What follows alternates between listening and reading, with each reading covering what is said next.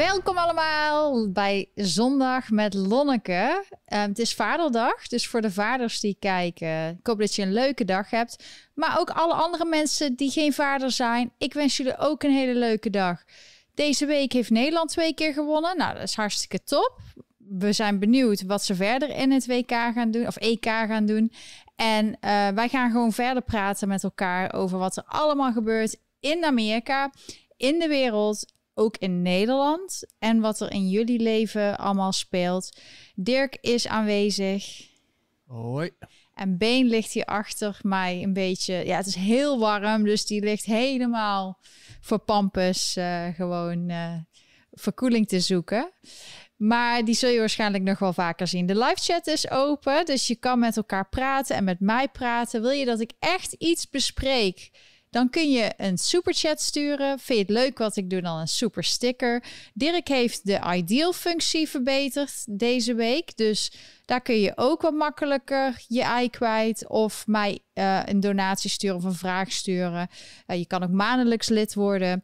Daar wil ik ook even als eerste zeggen. Dankjewel uh, voor de mensen die mij maandelijks steunen. Dat zijn Jelle, Hugo, Elja en uh.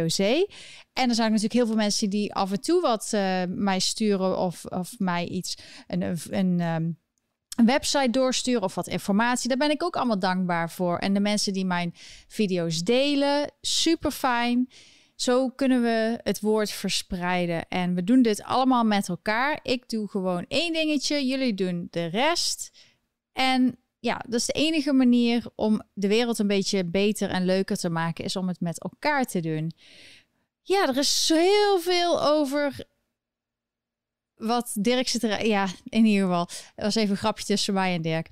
Uh, Dirk, die is, uh, die is allemaal druk bezig. We hebben allemaal video's, websites, allemaal dingen om met elkaar te bespreken. Als eerste, ja, waar gaan we mee beginnen, mensen? Waar willen jullie het eerst over hebben? Willen jullie weten hoe het hier in New York is? Of wil je het meer in het algemeen of Amerika? Nou, ik zal maar gewoon beginnen met het weer. Want heel vaak, als je niet precies weet waar te beginnen, begin je over het weer. Nou, het is hier 31 graden. Volgens mij is het bij jullie ook heel warm. Uh, uh, het ergste is, uh, Dirk die heeft een brisket in de oven zitten. En we hebben maar één kleine airconditioning aanstaan. We hebben normaal geen airconditioning aan, omdat als je dan naar buiten gaat, dan is het de overgang niet zo groot. En dan kunnen we op een of andere manier blijven gewoon fitten. Maar nu is het echt wel uh, te warm. En ja, dat komt. We hebben een brisket. Dat is een soort Amerikaans stuk hompvlees. Die moet uren in de oven. Super lekker. De meeste mensen eten dat gewoon in de winter. En we hebben straks nog een klein feestje voor mijn verjaardag. Want ik had vorige week mijn verjaardag. En jullie waren er ook. Hele leuke video was dat. Maandag, dinsdag, woensdag heb ik met jullie gepraat, feestje gevierd en ook mijn Lego set die ik had gekregen van Dirk afgemaakt. Is ook een hele leuke video als je tenminste van Lego houdt. Uh, of van leuk een beetje kletsen. Dan is het ook hartstikke leuk. Dus het is hier heel warm. En um, de mensen zijn hier... Het is hier zo druk op straat. Echt.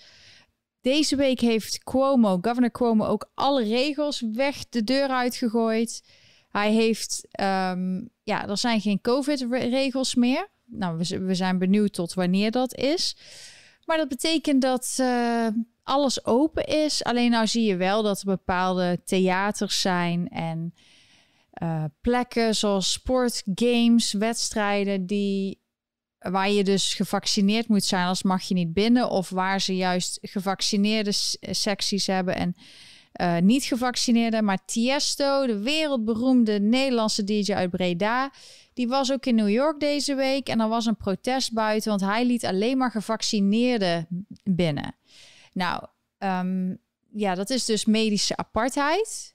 Het is ook vreemd, want er is nergens, zelfs mensen die pro-vaccinatie zijn, die zeggen dat zelfs uh, als je gevaccineerd bent, kun je nog steeds het virus krijgen, kun je het er nog steeds overgeven aan elkaar. Het enige is misschien dat je zelf wat minder ziek wordt. Dus waarom ga je dat als ja, dat je gevaccineerd moet zijn, dat je anders niet bij Tiesto binnen mag. Dat is natuurlijk heel raar. Wat is daar de wetenschap achter? Het is gewoon een soort discriminatie.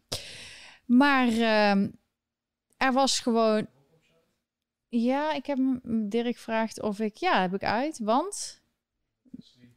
Oh, Dirk die houdt even de stream in de gaten. Misschien ook omdat het warm is, dat het uh, misschien soms wat minder goed is. Maar het lijkt dat, het, uh, dat ik even vast zit.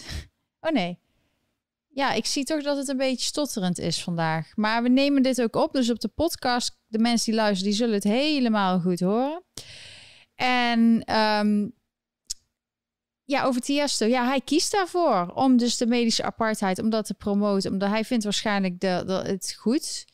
Dat is zijn keus. Um, ik vind het niet goed. Uh, omdat er de wetenschap is, de, de basis ervoor is er niet. Dus waarom zou je daar dan mee doorgaan? Het, is, het geeft gewoon een misplaatst veilig gevoel in mijn ogen. Zo van als iedereen gevaccineerd is, dan voel ik me veiliger. Maar is het niet zo dat als je gevaccineerd bent, dat je niet meer bang hoeft te zijn voor andere mensen die niet gevaccineerd zijn, want jij bent beschermd? Dat is toch de hele gedachte erachter. Maar we zien ook over de hele wereld, en vooral in Nederland zie je het al, maar hier nog niet zo. Want hier is iedereen nog heel erg blij dat alles open is. Maar je ziet al mensen zeggen, ja, in het einde van het jaar, dan zullen we wel weer een enge variant vinden. En dan gaat alles weer dicht. Dus ik had op Twitter ook al een tweet geplaatst van, ja, wanneer denken jullie dat het weer allemaal dicht gaat en alles stopt? Nou, er zijn verschillende mensen denken september, oktober. We zullen het zien. Dus ik zeg tegen iedereen, ik zou um, genieten van de zomer.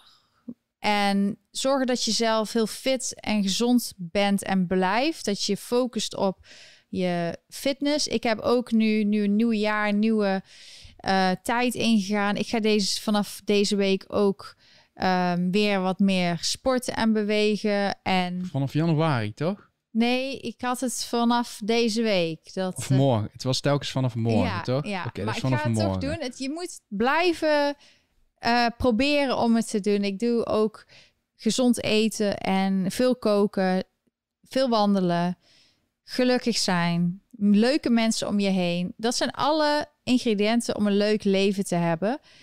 Want met liefde en saamhorigheid en unity, zoals ze het hier zeggen in het Engels, daarmee zorg je ervoor dat dat is uh, een band die heel moeilijk te verbreken is door de mensen, ja, die ze ook wel eens de elite noemen, de mensen die de baas willen zijn, de machtshebbers.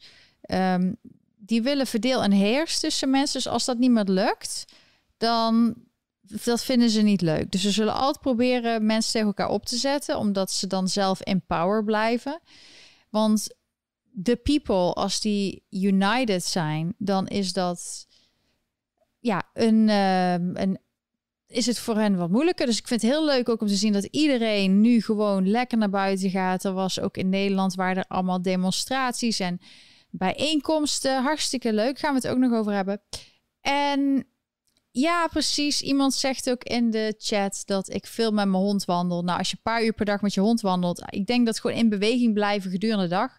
Goed is, ik heb ook zo'n stappenteller. Dus ik heb zeker altijd 10.000 stappen. Uh, soms, als ik me niet helemaal goed voel, iets minder. Maar de meeste tijd heb ik echt wel 12, 13, 14.000 stappen. Dirk veel meer. Maar ja, dat is een manier ook om jezelf in de gaten te houden. Deze week in New York. Oh, van alles weer aan de hand natuurlijk. Als je rondwandelt met de hond zie je heel veel. Dus Dirk, start de video maar. Dan gaan we eens even kijken wat deze week, wat we allemaal hebben gedaan. En vergeet ook niet te liken en subscriben in de tussentijd. Hè? En een notificatie aanzetten. Soms zeggen mensen, hey, ik heb jouw live gemist. Nou, dan moet je de notificatie aanzetten. Want dan zie je elke keer als ik live ga. En dan kun je zelf beslissen of je mee wil kijken of niet. Maar deze week in New York, Washington Square Park, is heel veel in het nieuws, omdat er best wel wat gedoe is s'avonds. Kan ik ook wel wat meer over vertellen. Maar vorige week was het een soort Hare Krishna Yoga Festival. Gratis te bezoeken, dus je kon gewoon er doorheen lopen. Met allemaal vegetarisch eten, smoothies, um, muziek, yoga. En ik kwam een beetje aan het, we kwamen een beetje aan het einde van de dag, maar dan heb je toch een beetje een idee. Ik had niet mijn gimbal bij, dus het was ook niet helemaal perfecte beelden. Maar ja, ik kan niet altijd, het is best wel flink ding, kan ik niet altijd meenemen. En ik kom de hele tijd dingen tegen, dus ja, dan wil je dat toch filmen. Maar mensen hier, allemaal, de meeste mensen kiezen er gewoon zelf voor, wil je mondkapje of niet? Maar de meeste hebben het niet op en niemand zit erover te zeiken en iedereen komt bij elkaar. En ehm, is het nou zo schokkerig alleen bij mij? Het is, als het warm wordt hier, is het één grote ellende. Ik zag overal, zag ik weer de busjes staan van de kabelmaatschappij hier. Omdat mensen massaal aan het klagen zijn. Het is echt triest. Diep triest. Ja, dus uh, ik hoop dat jullie een beetje een idee krijgen. Het is dus een beetje meer een soort fotosessie uh, die je zo langzaam voorbij ziet komen.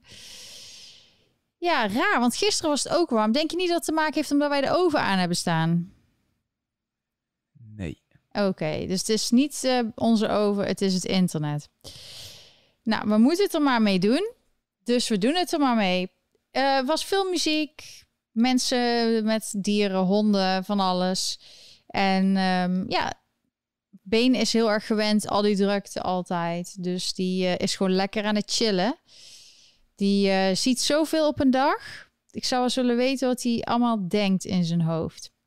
Een vriend van ons die had uh, als doel om voor de kleine dog run, dat is een klein, dat, je hebt dus in Amerika, New York in ieder geval, twee dog runs, dus een hondenrenplaats eh, losloopplaats. En je hebt voor de grote honden. In New York heb je er meer hoor. Ja, weet ik. Maar je hebt dus voor de grote honden eentje. In Washington Square Park. Ja, maar over het algemeen heb je overal bij de dog runs hebben ze een grote en een kleine. Dus voor de kleine is echt voor de uh, ja, kleine hondjes, dat ze niet de hele tijd door die grote honden worden, ja, vol, hoe zeg je dat over opgegeten. Nee, niet opgegeten, maar dat ze, weet je, sommige honden zijn gewoon iets te rough te eat. Maar hij het dus gesprek dus vandaag is een soort puzzel. Ja, het is. Je zegt iets en dan moeten wij het invullen. In de video's zag je dus net een waterbak. Hij had dus een zwembadje gemaakt voor de honden. En daar was hij helemaal trots op. Zwembadje. Ja, maar die had hij wel nog aan een uh, ketting gedaan, want voor hetzelfde geld is hij dadelijk gestolen.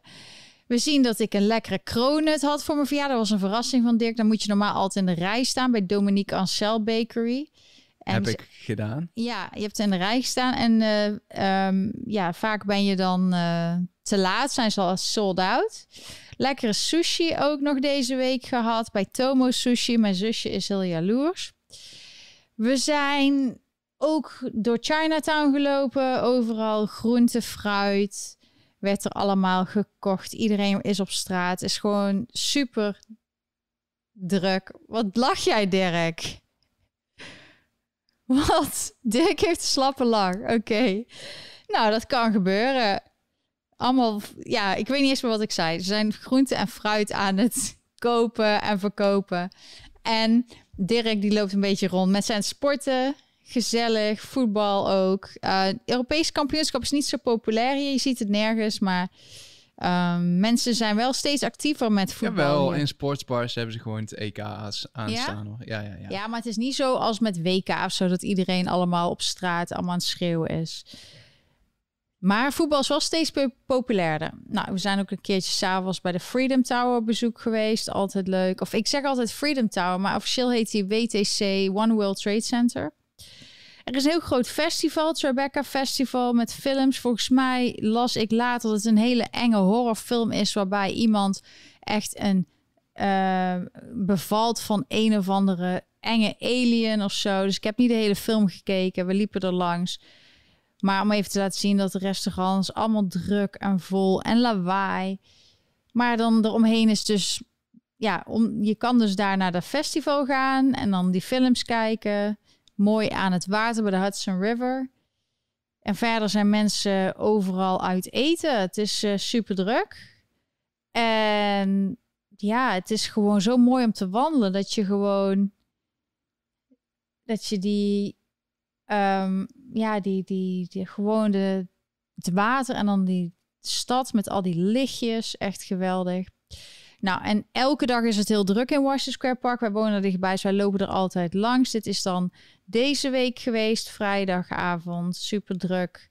En uh, die avond in het nieuws was er dus allemaal gedoe. Maar overdag was het dus heel gezellig. Want Dirk, misschien kun je de muziek een beetje aanzetten. Er was een of andere, en dat is altijd ineens spontaan of georganiseerd komt er een groep bij elkaar. Dit is uit een groep voor Peru. Die zijn iets, ja, ik weet niet of het een demonstratie is of Ja, want ik kan het niet verstaan wat ze zingen allemaal. Maar ze waren met z'n allen aan het dansen bij de Arch, bij de, het monument van Washington. Bij uh, dat beeld wat je ziet is Washington, de eerste uh, president van Amerika. Daar is die Arch, die boog, is daarvoor gebouwd. Alleen die wordt dus ook heel vaak beklad door mensen van Black Lives Matter. Zo, nu is hij dus zo even schoon. Maar heeft een jaar lang heeft er een hek omheen gestaan om het te beschermen. En het is tot nu toe nog redelijk schoon. Maar dat komt ook omdat... Dat vertel ik je zo wel. Maar in ieder geval, je hoort dus een beetje de muziek. Dirk? Ja, dus ze zijn allemaal een beetje aan het dansen. En dan komen er gewoon mensen bij. En die gaan dan ook meedansen. En ja, dat is ook New York. Dus aan de ene kant is er best wel gedoe, veel meer misdaad, criminaliteit, mensen, daklozen op straat, veel meer drugsgebruik. Maar er zijn ook mensen die proberen er nog het beste van te maken. En dat zie je dus. Ehm, ja, en dat, dat zorgt ervoor dat wij ook nog een beetje de moed erin houden. En gewoon proberen te genieten van. Ja, we wonen er nog. Dus dan kun je maar beter zoeken naar de leuke dingen. En ja, ik ben er in ieder geval. Dus dan ja, kan ik mooi alles met jullie delen. Maar Washington Square Park, die avond was er weer een grote nieuws de volgende dag. Dat die avond, s'avonds, was er weer een vrouw bebloed over, door dat er een man met een mes allemaal weer rare dingen deed in het park. En iedereen wil daarvan wegrennen. En toen liepen ze over die vrouw heen. Die werd helemaal op de grond ja, in ieder geval die was zwaar gewond of gewond in haar gezicht. En Washington Square Park, elke avond is er nu veel politie en willen ze een avondklok. En de mensen die om de, in de buurt wonen, die willen niet meer dat er zoveel mensen zijn s'avonds. En de mensen die eromheen wonen zijn vooral liberalen van bijvoorbeeld New York University. Um, sommigen zeggen ook als je dan in Amerika wil zo graag altijd over kleur hebben. Nou, is veel blanke New York University mensen, professoren en zo. Die wonen er allemaal omheen, omdat die New York University er ook is. En die hebben dus de laatste tijd heel veel zitten zeuren over het lawaai en drugsgebruik. Maar dit waren de mensen die vorig jaar allemaal riepen van... Uh, nou, Ben met zijn, je ziet ook Ben met zijn vriend chillen. Um, ja, dus uh, ik laat nog steeds een stukje leuke film zien. Daarna mag je het uitzetten, Dirk in ieder geval, Washington Square Park, daar hadden ze dus de. Nu ineens vinden ze het allemaal te veel worden. Dus vorig jaar waren ze allemaal heel erg van Black Lives Matter en defund the police. En daardoor komt er natuurlijk veel meer criminaliteit. En nu hebben ze er zelf last van. En nu zijn ze de eerste die roepen: nee, de politie, we hebben allemaal overlast. Jullie moeten optreden. De politie denkt ook van: ja, doe even normaal. Jullie, hebben de, jullie zijn de reden waarom het zo uit de hand is gelopen. Um, het afgelopen jaar. En wat wel opvalt is dat de mensen die er veel gebruik van maken. In het begin waren het inderdaad de lokale mensen, toeristen. Maar nu zijn er echt mensen die uit andere gebieden komen, die daar gewoon een dagje uit uh, doen. En Dirk laat even de Daily Mail artikel zien van die vrouw die dus weer was uh, lastiggevallen. Uh, dat was dus die avond. Dus wij maken die video en die avond is dit gebeurd. Um, ja, het was dus na in middernacht. En dus die plek waar, je, waar die mensen net stonden te dansen, heeft die vrouw is dus helemaal bebloed geraakt. Omdat ze dus ja, daar uh, gewoon liep. En ja, dat er dus weer een incident was. Ja, ze zijn altijd heel tolerant totdat ze er zelf last van krijgen. En ze snappen dat zelf ook niet. Maar de mensen, nu las ik vandaag weer in de, op de Daily Mail dat um, er een leider is van de groep die dus altijd in het park zit. En die vinden dat, dat zij ook het recht hebben op het park. Niet alleen de mensen die daar omheen wonen. Het is ook wel zo. Alleen dat zijn bijvoorbeeld een groep skateboarders en um, ja, bijvoorbeeld uh, gewoon die mensen die daar dus gewoon feest vieren en picknicken en rondhangen. En die komen dan uit echt ver weg, komen ze daar dus heen om dat te doen. Dus de hele, de, de groep mensen die er nu veel is, is helemaal veranderd. Dus er waren ook ineens in één gedeelte van het park heel veel. Er was altijd wel het hoekje waar je wist dat er wel wat dingen waren. En daar liep je, kon je gewoon met de hond gewoon langslopen. Maar je wist wel dat daar misschien wat drugsdealing was en zo. Maar dat, dat stukje werd steeds verspreidde zich door het park. En toen hebben ze het dus afgesloten. Nou, dat heeft dus het niet gestopt. Het, eh, toen wilden ze ineens een tien uur een curfew, dus een avondklok, omdat er dus te veel overlast en geweld kwam. Nou, dan heeft de politie het weer gedaan volgens die mensen die er altijd gewoon leuk zijn. Terwijl, ja, die skateboarders en zo, ze hebben geen respect voor de, voor de, ja, alles. Daar heb je allemaal van die stenen bankjes. En dan gaan ze dan met die skateboards overheen. Dus dat beschadigt heel erg. En het mag er niet eens. Maar die hebben gewoon geen respect meer voor alles. En ehm, ja, dus ik weet niet, ik hoorde iets. Ik weet niet wat. Oh nee, Been is aan het, aan het slapen, aan het dromen. En die tikt met zijn poot en zijn nagels tegen een fles, een glazen fles water. Dus dat hoorde ik. Dus zo grappig. Ehm, iemand zegt de radio valt af en toe weg.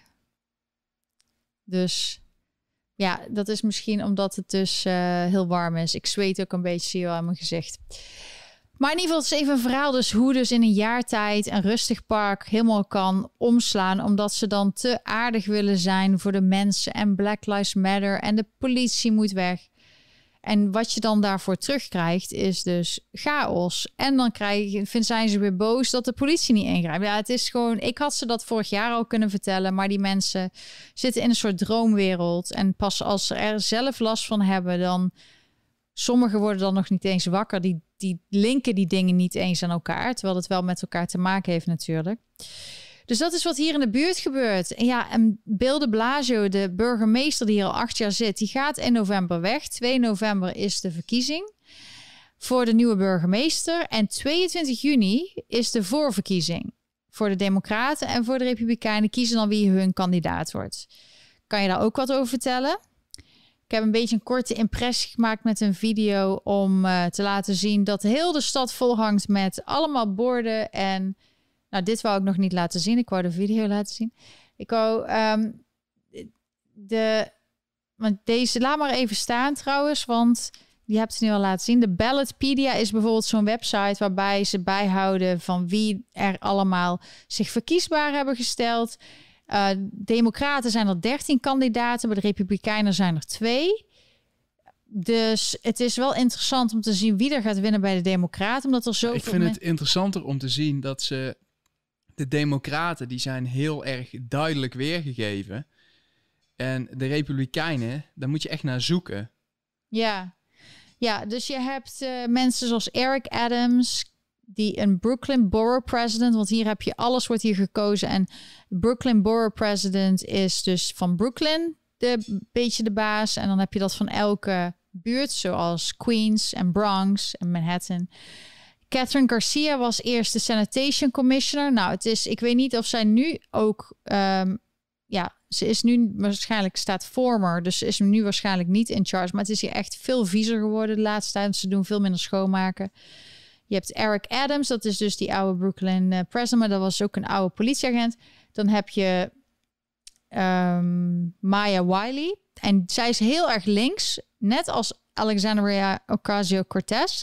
Ze doet ook AOC als afkorting. Die doet ook uh, campagne voeren voor Maya Wiley, maar zelfs zo dat ze geen tijd heeft om te stemmen in Congress. Dus dat was ook een dingetje. Maar zij is zelf voor Defund the Police. Ze heeft ook altijd voor, uh, voor Bill de Blasio gewerkt.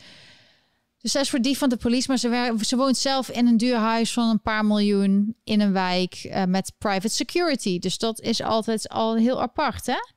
Dat uh, ze iets roepen voor iedereen. Van er moeten meer social workers en counselors komen en minder politie. Maar zelf wonen ze dan in private security buurt.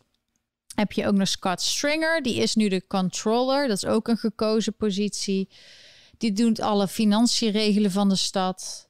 Hij heeft allemaal sexual allegations tegen zich. En um, dus die staat niet erg hoog. Dan heb je ook Andrew Yang, de oud-president uh, kandidaat. Ik vind dat hij best wel wat flip-flopt. De ene keer zegt hij dit, de andere keer zegt hij dat. Daarom staat hij ook niet bovenaan. Op dit moment staat bij de Democraten Eric Adams bovenaan. En dat zou dan van die hele groep Democraten ook mijn keus zijn. Maar als je het hier aan de buren vraagt die wel mogen stemmen. Um, omdat die dus republikein of democraat zijn. En die zijn daarvoor, uh, ja, die hebben, zeg je dat, zijn geregistreerd. Die zijn Um, de ene zegt ja, nee, ik denk dat Catherine Garcia het wordt. Anders ik nee, Andrew Yang wordt het wel. Maar ik denk dus dat Eric Adams, die staat nu bovenaan. Hij is natuurlijk law and order. Uh, politie, oud politieofficer. heeft ook de steun van de Bronx uh, borough president en van de uh, Queens borough president, geloof ik. Dus daar, en het is, hij is zwart, dus dat doet het ook goed bij bepaalde groepen. Hè? Want het is heel belangrijk, identity politics. Dat je of een vrouw bent of een kleurtje hebt en zo. Dat is voor die mensen heel belangrijk. Maar aan de andere kant snapt hij ook die kant die heel belangrijk vindt dat New York weer politie, dat je die moet steunen, dat je weer law and order terug moet brengen. Dus ik hoop als het toch een democraat wordt, ik ja, hoop ik sommige mensen zeggen weer, ja, er zijn weer allemaal dingen, corruptie en dingen die niet kloppen met hem. Maar ja, ik kijk dan naar de policies en er is ook nog een andere, Raymond McQuire. Ik liep door de straat en dan zie je ook dat daar mensen weer zijn die hem steunen. Hij is een oude Wall Street executive. Dus uh, dat is heel interessant. En dan heb je bij de Republikeinen, als je naar beneden scrolt, Dirk, want je bent iets anders aan het doen, zie ik. Um, dan zie je dat er twee. Maar Dirk, jij zei net al heel duidelijk dat er dan niet zoveel aandacht nou, voor is. De, die, die staan er in een regel, dus die staan er niet opgesomd en niet dik gedrukt. En die hebben alle twee geen foto. Ja. En het is niet, nou niet zo dat beide mannen heel onbekend zijn en dat daar geen foto's van beschikbaar zijn. Dus ik vind het een stomme website. Ja, dus, maar dan moet je maar een andere zoeken. Maar bijvoorbeeld deze Fernando Matteo uh, is dan een tech uh, Federation of Taxi Drivers founder. Nou, dat is uh, New York State Federation of Taxi Drivers founder. Dus die zal wel iets meer met de taxichauffeurs hebben. En dan heb je de Guardian Angels founder Curtis Sliwa. Nou, dat is mijn, heeft mijn voorkeur omdat hij zich uitgesproken heeft. Er worden hier heel veel honden nog en katten en huisdieren gewoon geëuthaniseerd zonder een reden. Gewoon omdat ze daar niet voor willen zorgen. En hij wil dat stoppen. Waarom doe je goede dieren en huisdieren die eigenlijk gewoon misschien niet genoeg tijd krijgen om herplaatst te worden? Waarom wil je die dan in laten slapen? En dat wordt vaak niet eens op een fijne manier gedaan.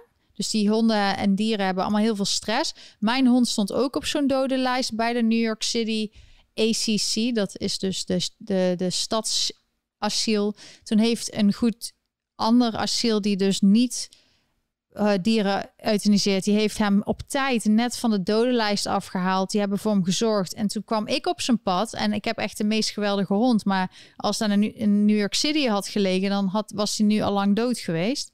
Dus uh, dat vind ik belangrijk. En hij is uh, Guardian Angels. Dat is een groep met rode petjes op. En misschien kun je Curtis Lewa zijn website verzoeken. Ik durf dat echt niet te doen, want hij trekt hem de hele tijd dicht. Zo slecht is het internet. Oké, dus je durft even geen andere websites laten zien. Dan haal deze maar even weg. Maar dan zou ik zeggen, misschien kun je het in de chat zetten. Dat je de links naar de chat voor mensen, dan kunnen mensen kijken. Curtis Sliwa is van de Guardian Angels. Dat is een groep die al sinds de jaren 70, 80 bezig is in New York. Ik zag ze hier ook tijdens de rellen. Uh, stonden ze, waren ze ook aanwezig om maar te zorgen dat de protesten voor Black Lives Matter en zo vredig ja, ze proberen tussen de politie en de uh, demonstranten te, een, een, soort link te zijn, zodat er geen problemen ontstaan. Nou, dat is dus mislukt, omdat ze zijn natuurlijk niet met zoveel. Maar de intentie is in ieder geval goed. Dat ze dus proberen rust in de tent te houden. Dat zij dus de, tussen de politie en de mensen zijn. Om ze te beschermen. Vandaar de naam Guardian Angels. En um, ja, ik denk dat eigenlijk op zich New York als het echt beter wil, weer terug wil gaan naar vroeger. Dat je dus iemand die dus, uh, ja, dus een republikein die hetzelfde zou doen als Rudy Giuliani, om ze weer terug te brengen naar de oude staat. Want dat vrijblijvende, daar hebben mensen, daar gaat het gewoon van mis. En dat zie je gewoon overal. Hetzelfde met ouders die hun kinderen helemaal vrij laten. Dat, dat is gewoon niet goed voor kinderen. Kinderen hebben structuur nodig en duidelijkheid. En uh, grenzen. En als je dat aan mensen in een stad, als je dat aan je kinderen al niet geeft, moet je je voorstellen hoe het gaat als je, je de mensen in je stad geen grenzen geeft. En de Blasio, die was met de protesten. Hij wist heel erg goed dat er overal rellen waren. Maar de Blasio haat rijke mensen en rijke buurten. Dus hij heeft altijd iets tegen de gebieden waar dus de dure winkels zijn en zo. En uh, hij denkt echt dat er alleen maar rijke mensen wonen. Maar wij weten gewoon uit ervaring dat bijvoorbeeld onze wijk, daar is de helft minstens. Mensen die er misschien al 40, 50 jaar wonen, die hier kwamen toen Soho helemaal niet populair was. Gewoon artiesten die een klein inkomen hebben, maar die worden allemaal hier weggepest. En, maar in ieder geval, de Blasio, die, die, die is hier toen tijdens die rellen, is hij naar de protesten in Union Square gegaan. Toen heeft hij erover getweet. Dus ik stuurde hem een berichtje, kom eens kijken wat er allemaal in Soho aan de hand is. Je bent er echt een paar bloks van af, een paar uh, straten van af.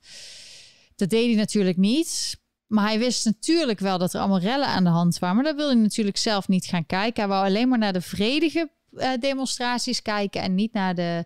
En dat doet hij nu dus weer. Dat hij ook hier midden tussen de dure winkels wil hij een homeless shelter openen. Heb ik al vaker over gehad. Met 200 mannen die uit, het, uit de gevangenis komen. Met een hele ja, staat van dienst, laat het zomaar zeggen. Met heel weinig security. Die ook overdag niet op de straten aanwezig zullen zijn. Dus dan zullen die mannen gewoon op de straat aanwezig zijn. Er zijn heel veel buurtbewoners zijn er bang voor. En zelfs ook de daklozen die hier in de buurt wonen. Want die opvang is niet voor hun. Die opvang is voor.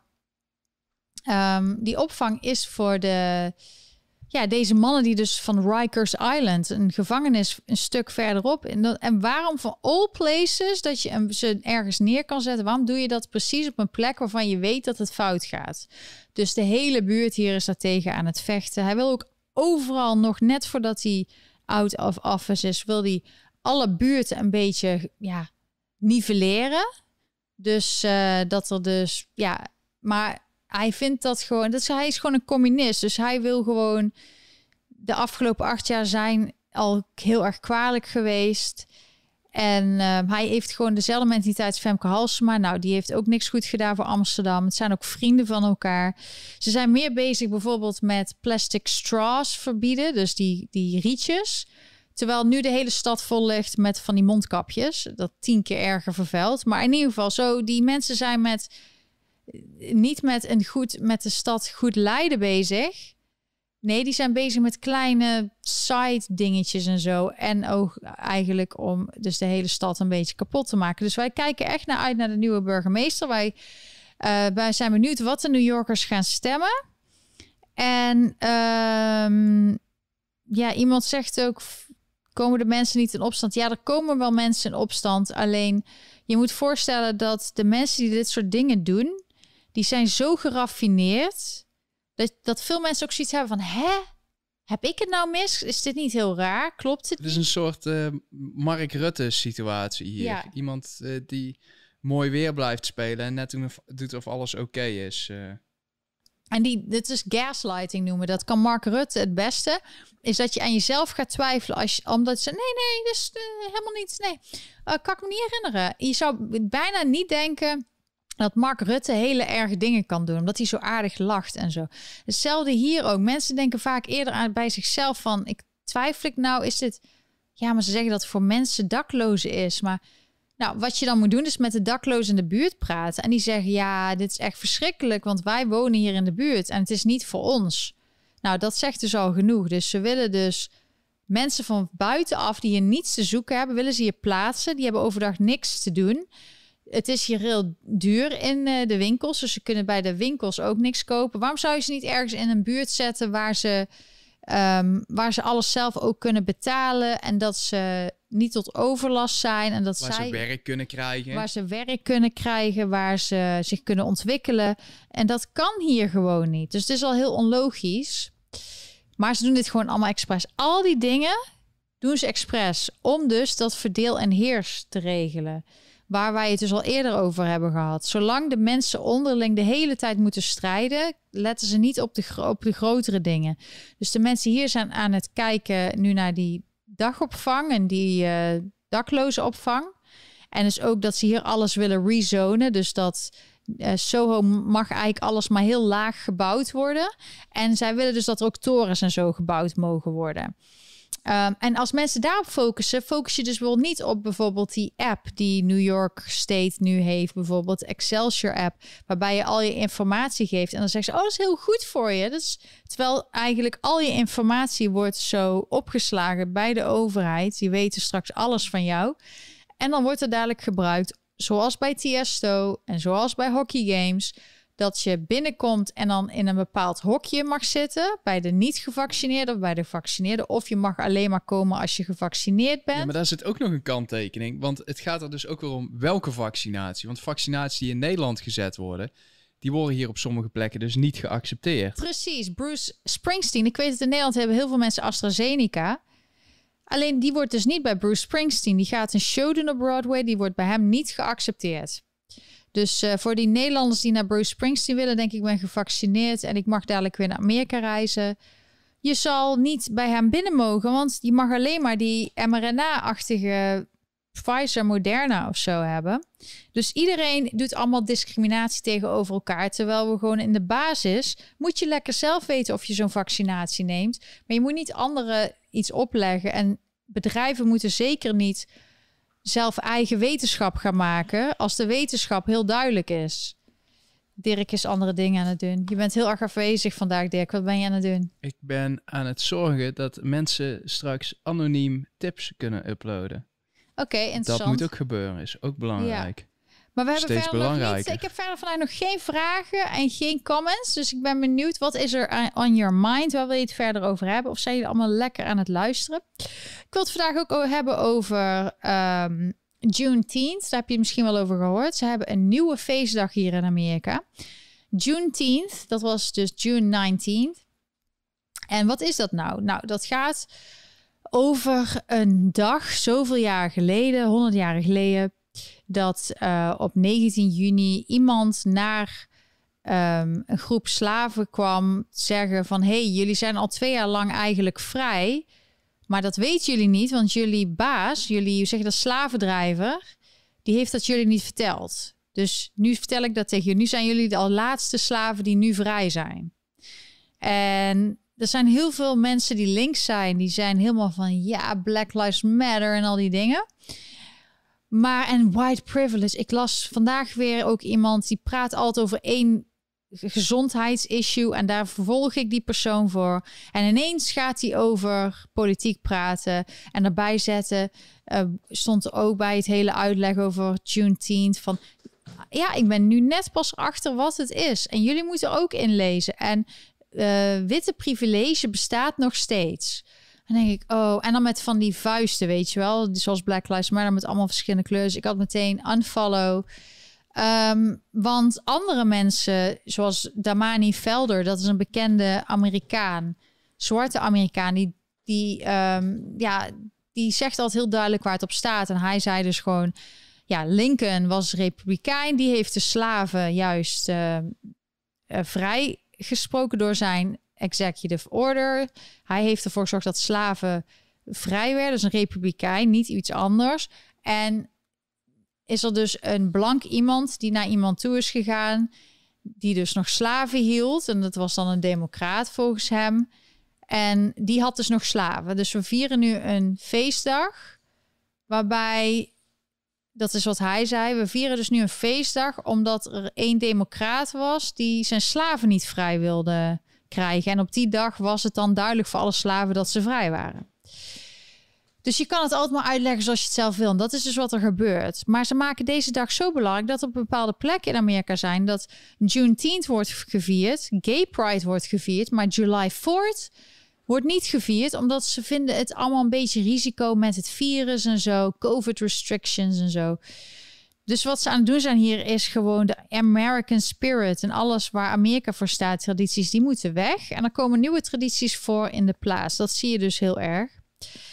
Um, dus Juneteenth is een nieuwe uh, feestdag. En die proberen ze dus nu heel erg te promoten en belangrijker te maken als de nationale feestdag in plaats van July 4th.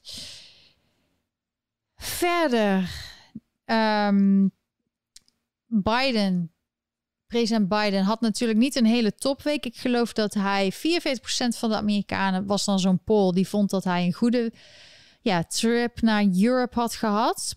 Ehm, nou, je kan het zelf volgen. Je kan zelf video's zien wanneer hij praat. Dan kun je er zelf over hebben wat je ervan vindt. Wat ik wel heel sneu vind voor het hem en voor zijn familie is dat een hond Champ is overleden. Die is 13 jaar oud geworden. De Duitse herder is niet de hond die altijd die bijtincidenten had bij het Witte Huis. Een paar keer is dat gebeurd. Dat is de hond Major, dus die blijft alleen over. Uh, maar het is wel, het lijkt wel erop dat Champ gewoon een goed leven met hun, uh, bij hun heeft gehad. Dus dat, daar waardeer ik ze wel weer voor. Dat ze dus die honden waarschijnlijk wel een goed leven hebben gegeven. Maar dat is natuurlijk heel groot nieuws. Dat is het belangrijkste nieuws. Hetzelfde als dat uh, Biden, wat, wat voor smaak ijsje hij neemt. Dat is de belangrijkste vraag voor Biden. En we hebben het niet over bijvoorbeeld de border crisis, dat er per maand 180.000 mensen binnenkomen, meeste ooit. Waardoor Texas en andere plekken die aan de grens liggen uit pure noodzaak zelf maar grenscontroles en zo willen gaan doen. Dirk laat even Champ zien. Hoe heet die website? CNN Politics. Ja, dat is natuurlijk het allergrootste nieuws in CNN Politics. CNN, echt, de kijkcijfers lopen super achteruit. Ik lag dat, las dat Brian Stelter, die een beetje daar de baas is, had iets van meer dan 70% minder kijkers. Nou ja, CNN is gewoon een beetje fake news. Dat ben ik zelf ook wel achter. Die hebben gewoon, nou, het is eigenlijk niet, het is niet eens alleen fake news, het is ook propaganda. Ze, het is gewoon propaganda. Ja, daar eh, hebben ze het over. Um, propaganda. Wil je die video laten zien van de mayoral propaganda? Uh, ja, die kun je laten zien, gewoon hier in de stad. Dus uiteindelijk zal er ook al veel natuurlijk een, een verhaaltje bij zijn. En wie, welke kandidaat resoneert het beste bij de, bij de kiezers. Maar ik hoop toch dat... Ja, ik was acht jaar geleden helemaal voor de Blasio omdat hij zei dat hij de paarden, de koetspaarden van de straat zou houden en halen. En daar had hij heel veel steun ook van een paar organisaties die voor dierenrechten zijn. En dat heeft hij dus niet waargemaakt. Dus ja, je ziet hier in de straat overal op deuren allemaal mensen die dus aan het die waar je op kan stemmen. Maud Maron bijvoorbeeld is uh, in Soho een belangrijk figuur. Um, ja, er zijn heel veel gebouwen verlies, dus ik ben benieuwd wat zij daarvoor gaat doen. En in Chinatown. Je hebt hier dus dat, en dat zou goed zijn dat er in Nederland ook gebeurt. Niet alleen de burgemeester wordt gekozen, maar ook city council. Dus dat is in Nederland wel. Dus dat wordt wel, ja, de, de leden van de raad. Dat de raadsleden wordt wel. Maar je hebt hier ook uh, mensen die dus voor controller, voor borough president gaan. Um, city council, uh, wat heb ik nog meer? Um, ombudsman. Allemaal en overal staan dus die posters ge, opgeplakt. Dus volgende week kan ik jullie vertellen wie er de democratische kandidaat wordt en wie de republikeinse kandidaat wordt. Dus ik hoop dat het. Uh, ik denk als het Curtis Sliwa en Eric Adams wordt, dat Eric Adams sowieso dan wel gewoon meer de meeste kans heeft, omdat ze allebei law and order zijn. Als het Curtis Sliwa en Yang of Maya Wiley is, dan heb je een hele grote kans dat het Cur toch Curtis Sliwa wordt. Maar ze zeggen dat New York is een groot gedeelte, 70% zoals democrat. Dus het is meest waarschijnlijk dat er een democratische burgemeester komt. Je hebt wel bijvoorbeeld Staten Island, dat is een onderdeel, net zoals Queens en Brooklyn, dat is ook een gebied en dat is heel erg republikeins. Je hebt ook in buurten republikeinen, maar het over het grootste gedeelte midden in de stad is gewoon blauw, hartstikke blauw. Dat zie je ook op straat. Hun haar is blauw, of roze, of groen. Iedereen, Dirk en ik zijn video's aan het maken nu om uh, iedereen die we zien met gekleurd haar te filmen. Maar je hebt wel Um, ja, het is gewoon heel erg blauw. Ga je buiten de stad, upstate New York of naar Long Island, dan is het vooral heel erg meer conservatief. Zie je ook meer vlaggen op straat. Ja, mensen die gewoon, dat is meer de middle class. Dus die hebben gewoon een huisje, een auto of twee, een leuke baan, kinderen die naar school kunnen gaan. Dat zijn de mensen die dus vooral op, um, ja, die op de op de Republikeinen vaak stemmen. En ook als president. In Amerika hebben we nog steeds de audits. Ik weet dat er in Nederland heel veel mensen zijn die daar vragen over hebben. Um, in augustus komt waarschijnlijk de, het rapport van de Arizona audit. Er zijn andere staten die willen ook dit gaan doen. Er was ook een lokale poll over 2024 van wie wil je dat er voor president gaat, Trump of uh, DeSantis. En DeSantis zat daar, dat is de governor van Florida. Die zou dan blijkbaar Trump verslagen. Maar ik denk dat er ook mee te maken heeft dat mensen denken: Trump is nu president. Dat is nog steeds een grote groep die dat nog steeds denkt. En um, ja, dat zou betekenen dat hij dus twee termijnen heeft gehaald op 2024. En dan zou DeSantis eigenlijk moeten runnen voor president.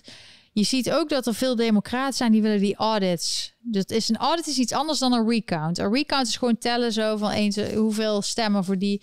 Maar een audit is echt dat ze gaan kijken van het papier, de automaten, de machines. Uh, dan wordt alles forensisch bekeken. Of er misschien uh, watermarks en wat voor papier en wat voor ink en zo.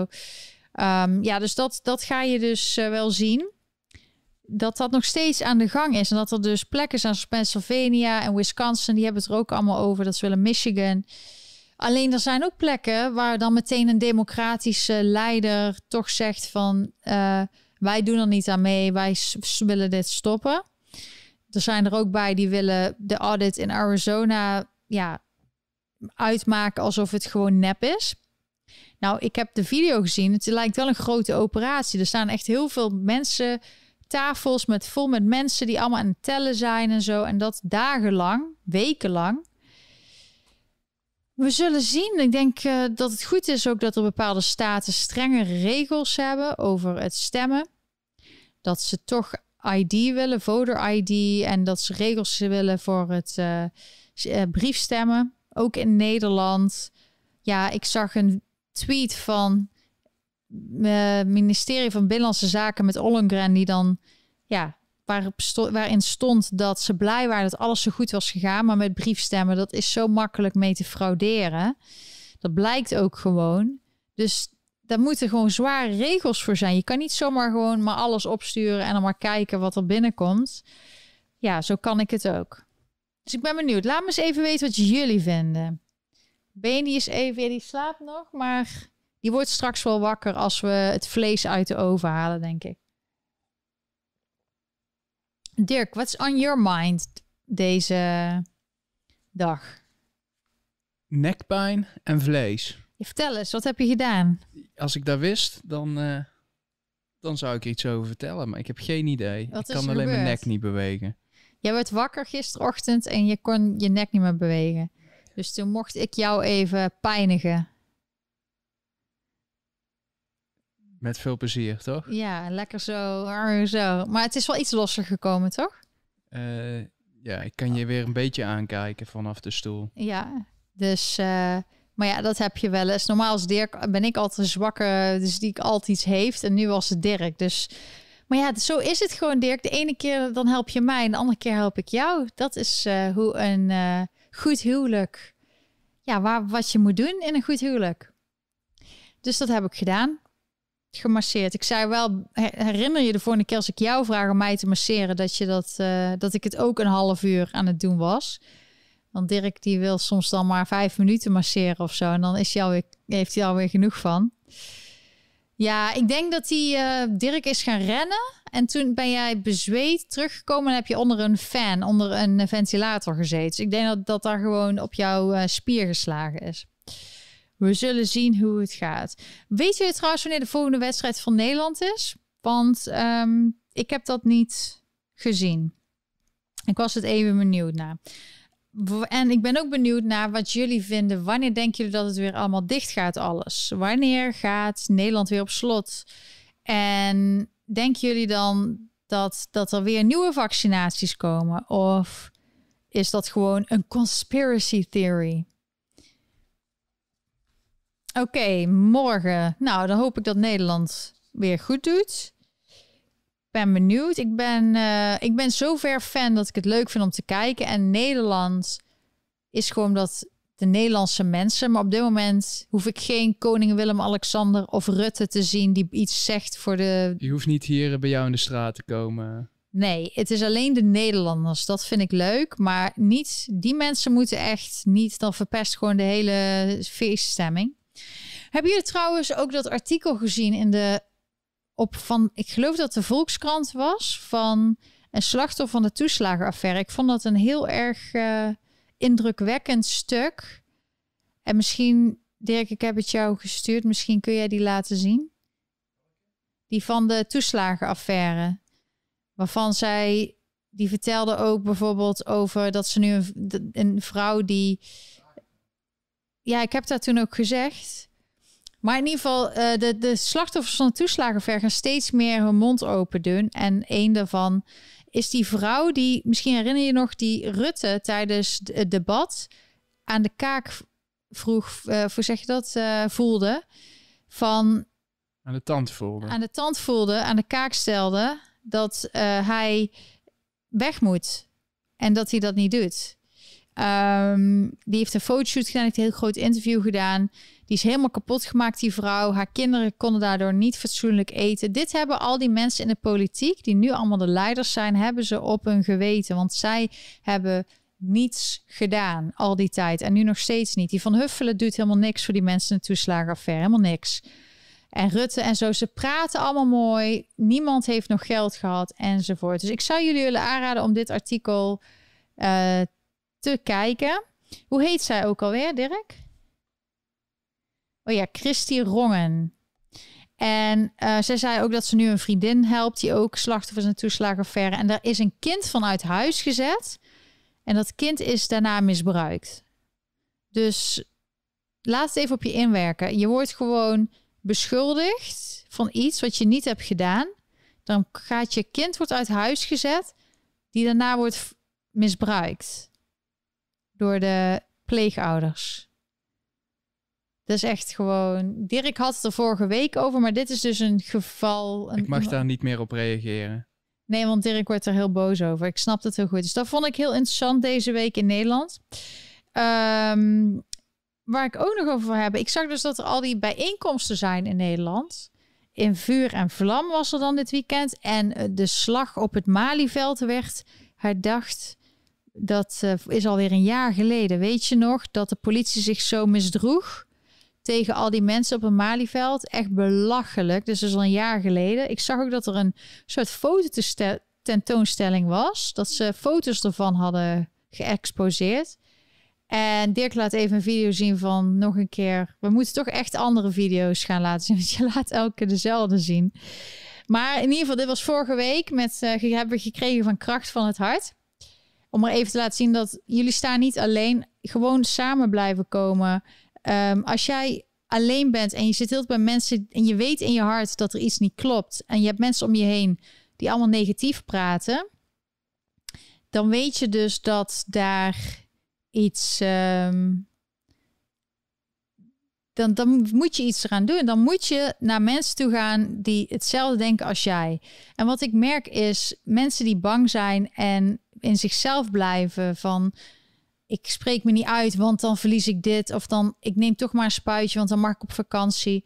Het moment dat je al die dingen die je moet en wil loslaat, dan pas kun je echt de vrijheid ervaren en, en geluk. Want als jij niet meer per se, als ze jou niet meer kunnen onder druk zetten van dat jij per se op vakantie moet, dan uh, hebben ze niks meer om jou onder druk te zetten. Als je naar mensen bij elkaar komt en je verenigt, dan voel je pas de echte liefde en happiness. Ik weet zeker dat heel veel van die mensen die nu zo bij elkaar zijn gekomen, vriendschappen hebben ontwikkeld die ze daarvoor, voordat de hele crisis gebeurde, nooit hadden zou, zouden hebben of hadden gehad dat ze nu nieuwe mensen ontmoeten, dat, ze, dat hun leven veel meer betekenis heeft en veel meer fulfilling noemen ze dat. Uh, hoe noem je dat in het Nederlands? Ge... Voldaan, voldaan gevoel hebt. En ook als jij gewoon denkt, weet je wat, ik wil niet een medisch experiment, ik wil dit niet. Um, als ik dan niet meer op vakantie kan, so be it. Dan verzinnen we toch iets anders. Maar wat ook een feit is, is als ja, Dirk zegt, dan komt de vakantie naar mij. Nee, maar het, een feit is, hoe meer mensen zeggen, dit gaan we niet doen, dan kan het ook nog zo zijn dat het helemaal niet doorgaat, dat feest met al die vaccinaties als regeltjes, dat je dan ergens mee mag. Bijvoorbeeld de Efteling, een tijdje geleden, weet je nog dat ze zo'n testevenement wilden doen? En ze dachten echt, iedereen wil naar de Efteling.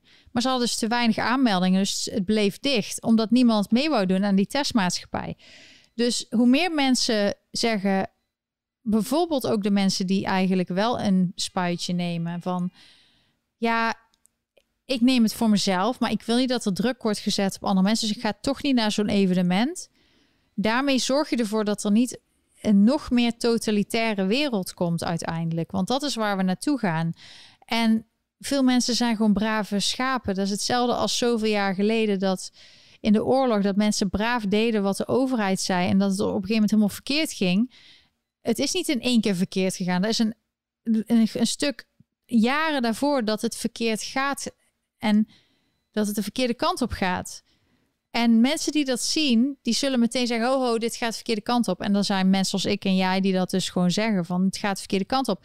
Maar je moet niet denken dat zo'n oorlog, zoals 75 jaar geleden of 80 jaar geleden is begonnen, dat dat zomaar in één keer ontstaat en dat Hitler een erg persoon is en dat, um, dat in één keer hij er is. Dat is niet zo. Dus zodra jij um, als jij gewoon ziet dat het een periode van verval is, waar we nu in zitten, dan kun je het nog stoppen. Maar het wordt wel steeds moeilijker, want het blijkt dus dat het toch. Ik had niet verwacht dat zoveel mensen niet, of niet zo slim zijn, of het gewoon niet zien. Dat ze niet gewoon 1 en 1 is 2 kunnen denken. Dat ze niet eens gewoon de wetenschap volgen.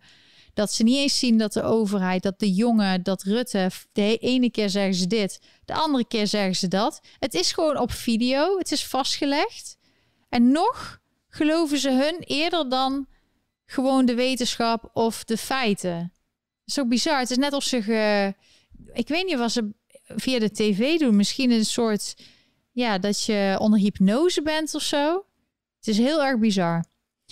En het is inderdaad. Heel veel van de geschiedenis weten wij niet precies ook hoe het nou echt zit. Maar wel dat, dat zie je gewoon bij veel oorlogen. Het is niet in één keer dat het fout gaat. Het is een periode dat het fout gaat. Dus we moeten,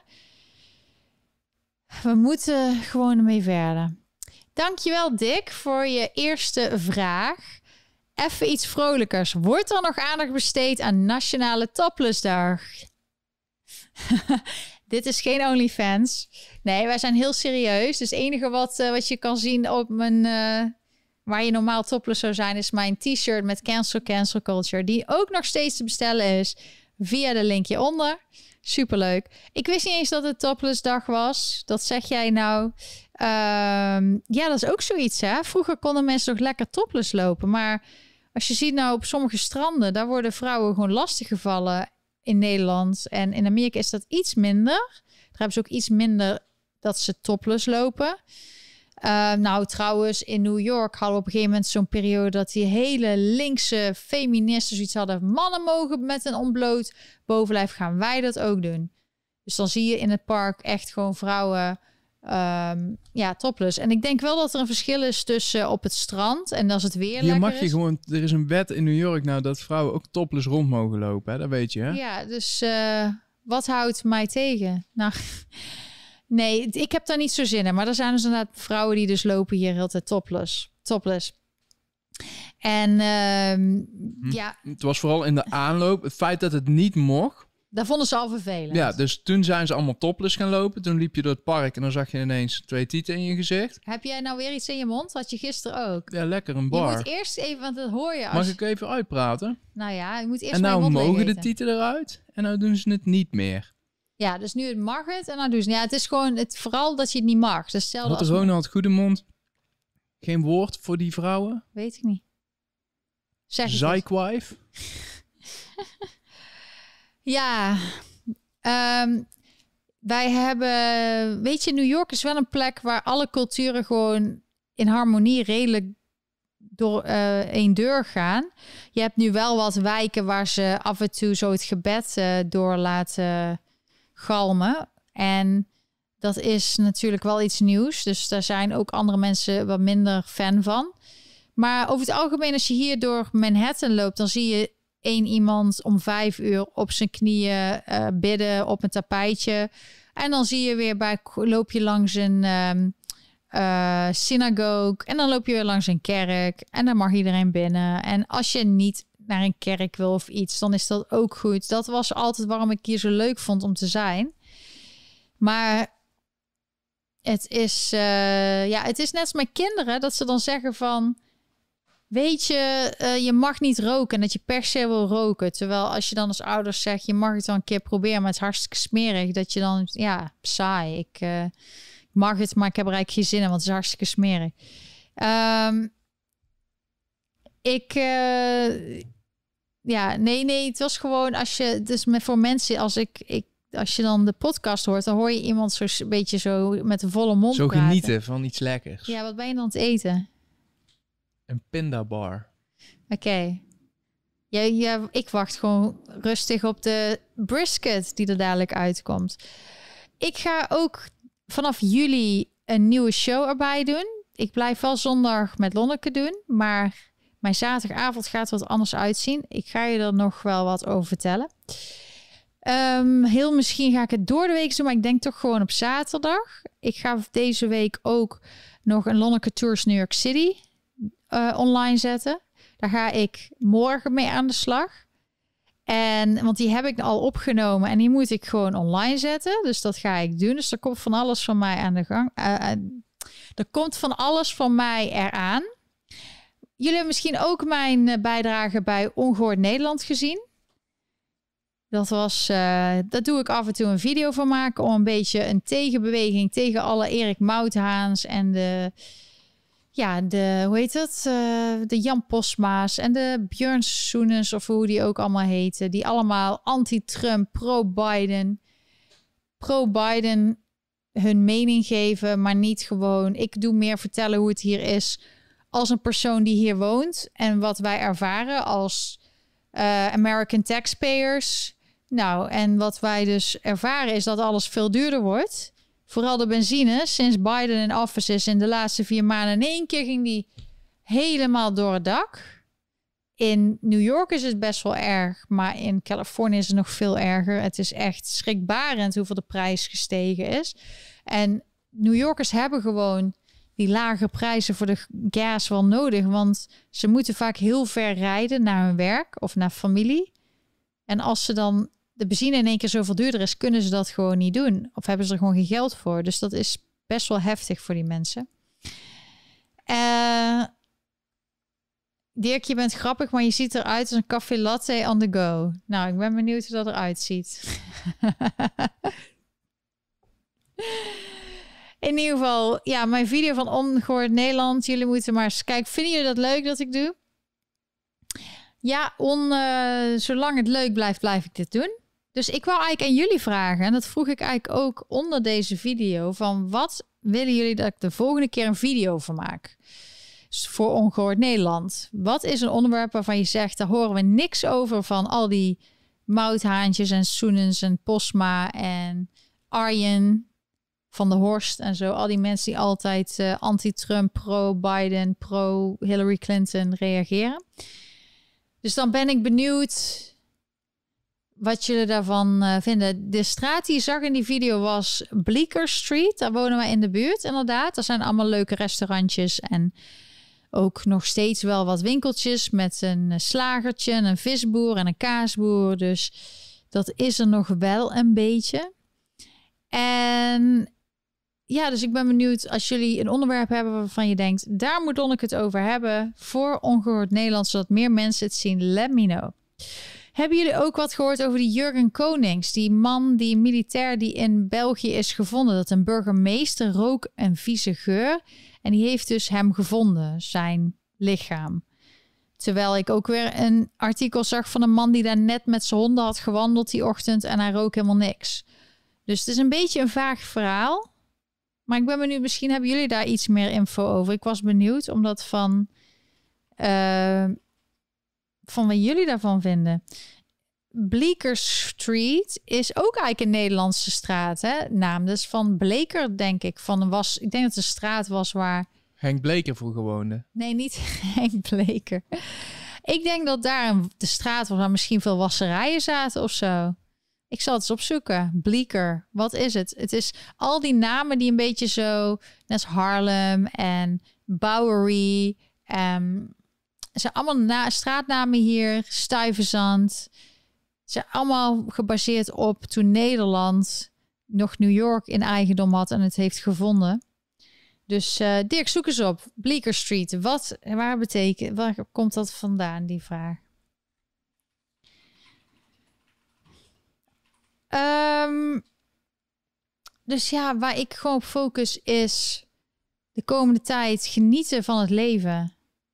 En gewoon met mensen afspreken die leuk zijn en die ook proberen het beste van te maken. Deze week was er een uh, vriend vanuit Los Angeles op bezoek die vernoemd naar Anthony Lispenard Bleeker. Oh, het is gewoon een achternaam. Ik dacht gewoon dat het een of andere blekerij was of zo. Kom ik wel aan hoor.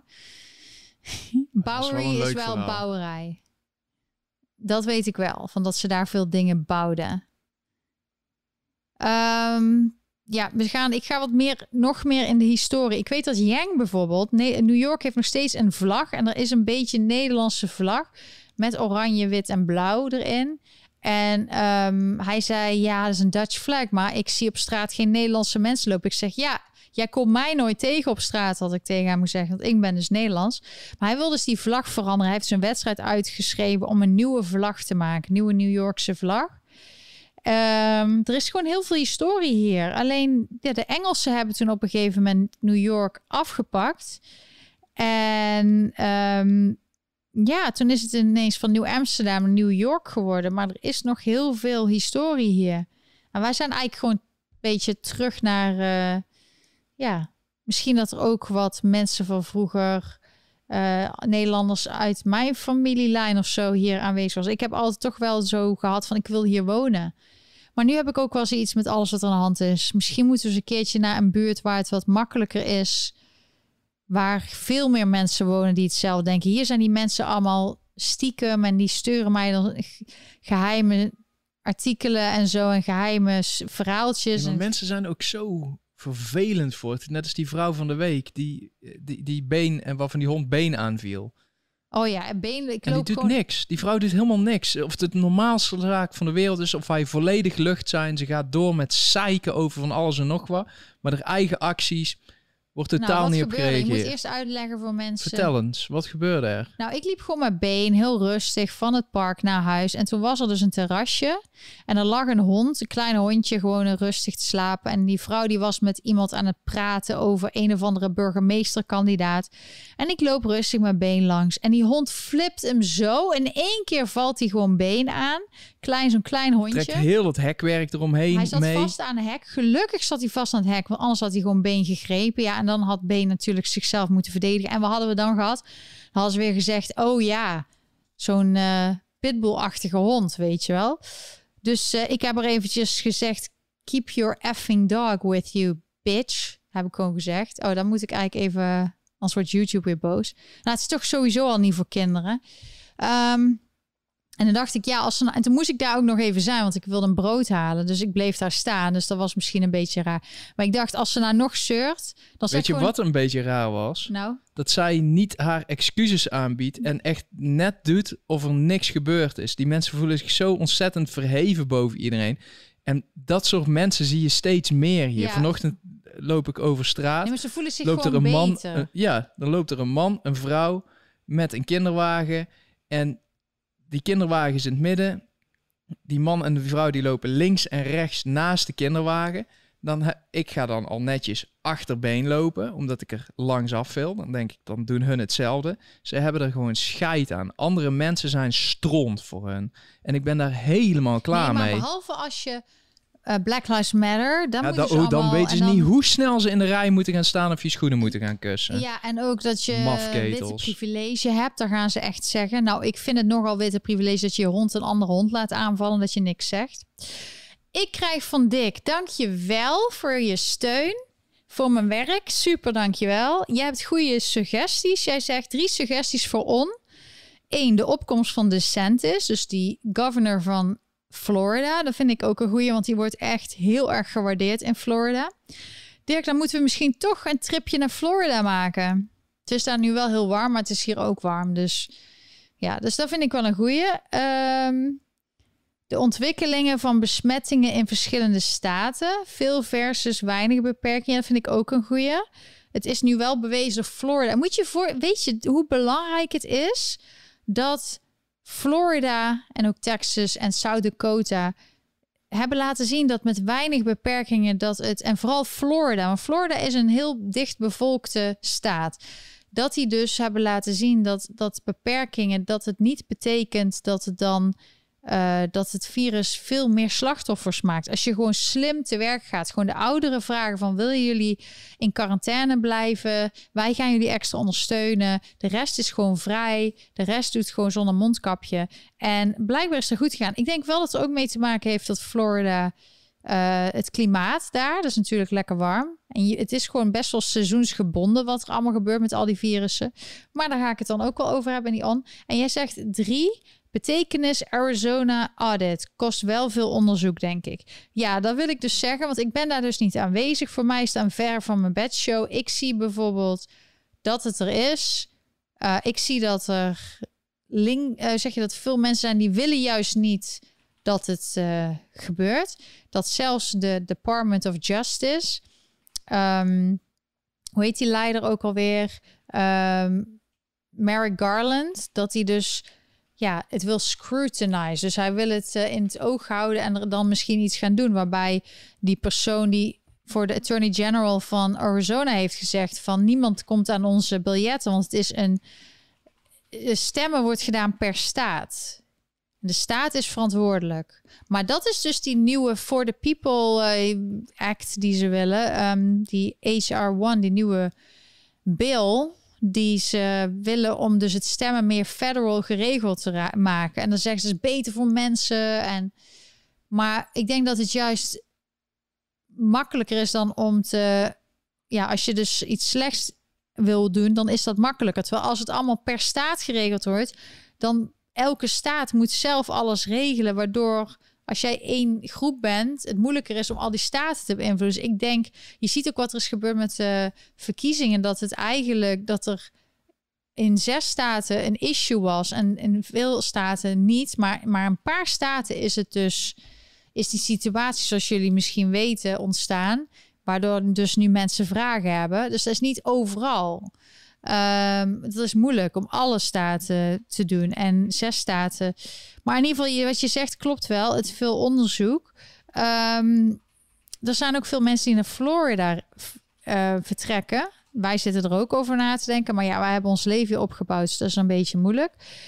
Maar wij moeten dus zorgen dat die. Uh, dat dat uh, ja, mensen willen weg. Want ook qua belastingen, alles wordt duurder. Ze willen de belastingen allemaal verhogen. New York is sowieso al de duurste. In Florida heb je geen state tax. Zelfs mensen van de Belastingdienst, die mensen onderzoeken, weten dat vaak niet. Dat als jij in Amerika woont, dan betaal jij federal tax. Dus iedereen betaalt federal tax. Dat is iets van 35% geloof ik. Dan per staat waar je woont betaal je wel of niet state tax. Florida bijvoorbeeld heeft geen state tax. En je betaalt dan ook nog city tax in de stad waar je woont. Dus New York City is iets van 8 zoveel procent. Um, en dan betaal je vaak nog real estate tax. Dus uh, in Nederland is dat dan wat minder of uh, bijna niet. Maar in Amerika betaal je echt een hoog bedrag per maand um, of per jaar voor je huis. Dat is gemiddeld voor een gewone normaal huis van 500.000 dollar is dat snel. Het ligt ook in de wijk waar je woont en in welke stad je woont. Uh, maar ik denk dat je snel 12.000 per jaar kwijt bent aan uh, real estate tax. Dus waar bijvoorbeeld in Nederland heb je vermogensbelasting. In Amerika heb je dat eigenlijk verweven in het hebben van je eigen huis. Dus daar moet je incalculeren als je een huis koopt. Dus dat er niet alleen is wat je als vermogen aan kan om te kopen met een hypotheek. Maar ook hoeveel belasting moet ik elk jaar betalen? Want zo'n heel, heel groot huis, soms is daar wel 60.000 dollar per, per jaar. Dus je kijkt niet alleen naar een huis wat het kost, maar je kijkt ook naar wat ben ik maandelijks kwijt aan mijn hypotheek en maandelijks kwijt aan mijn belastingen. En ja, je kan huizen vinden van 6000 per jaar in New York State. Ik heb het vooral over New York State nu en Connecticut en zo. Daar kijken wij namelijk heel veel. Ehm, maar dan ben, woon je in een buurt waar bijvoorbeeld minder scholen zijn. Nou, wij hebben geen kinderen, dus dan hoeven wij niet per se ergens te wonen waar goede scholen zijn. Want die belastingen zijn weer gelinkt aan de kwaliteit van de scholen en van de ja, faciliteiten daar. Dus dat is ook iets wat heel veel mensen niet snappen. En uh, als je in Amerika woont, maar daarvoor gaan bijvoorbeeld mensen wel verhuizen. Van ik ga naar een andere staat, zodat ik minder belasting hoef te betalen. Daarom zie je ook bijvoorbeeld mensen die in New York altijd een grote carrière hebben gehad. Heel veel van die mensen die verhuizen dan naar Florida om met retirement te gaan, omdat dat ook weer allemaal belastingvoordelen geeft. En ook, ik las ook iets over um, als je dan uh, overlijdt met state tax, state tax en zo. Alles wordt getaxt hier. Dus als mensen zeggen het is hier heel goedkoop, nee, het ligt eraan waar je woont. En Amerikanen zijn dus zelf in de mogelijkheid om te bepalen waar ze wonen, hoeveel belasting ze willen betalen. Natuurlijk zijn er bepaalde plekken waar de belasting hoog zijn, waar bijvoorbeeld ook het inkomen hoger is. Um, dus dan kun je dat weer afwegen zo van ja, in de ene staat verdien je meer als dokter als in een andere staat. Maar wat hoorden wij van de week nou? Iets heel interessants. Hoe zat het met de belasting en grote huizen? Uh, dat heb ik niet gehoord. Weet je, oh, moet jij zeggen? Dat als je in een rijke wijk woont, ja. dat de real estate tax vaak lager is. Omdat de gemeente toch wel genoeg geld krijgt. Omdat er zo'n kasten van huizen staan. Die mensen betalen zich helemaal groen en geel aan uh, real estate taxes, waardoor de belasting in het algemeen naar beneden gaat. Ja, maar als dus. je er meer over wil hebben, is heel economisch en zo. Dat is meer waar wij mee te maken hebben. Van wat wij elke maand en zo moeten betalen. Ik had deze week ook een heel gesprek over Obamacare.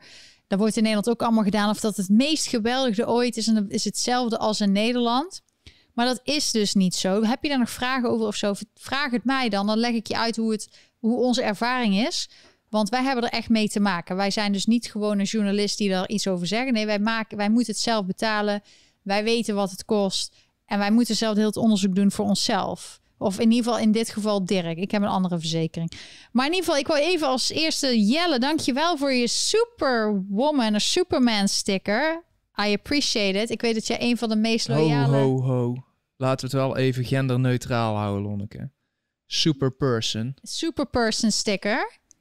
Uh, Jelle is een van mijn loyal supporters. Hij is ook een patron van mij. Of patron bij patron. Super fijn. Daarmee krijgt hij ook elke maand uh, een verrassing in de postbus. Wil jij dat ook? Dan kan dat ook als je lid wordt bij Patreon of Ideal maandelijks. Daar staat, Dirk heeft heel mooi nu uitgelegd dat je, uh, ik volg je bijvoorbeeld terug als je maandelijkse donaat, donateur wordt op social media. Dus dan zie ik ook wat jij zegt.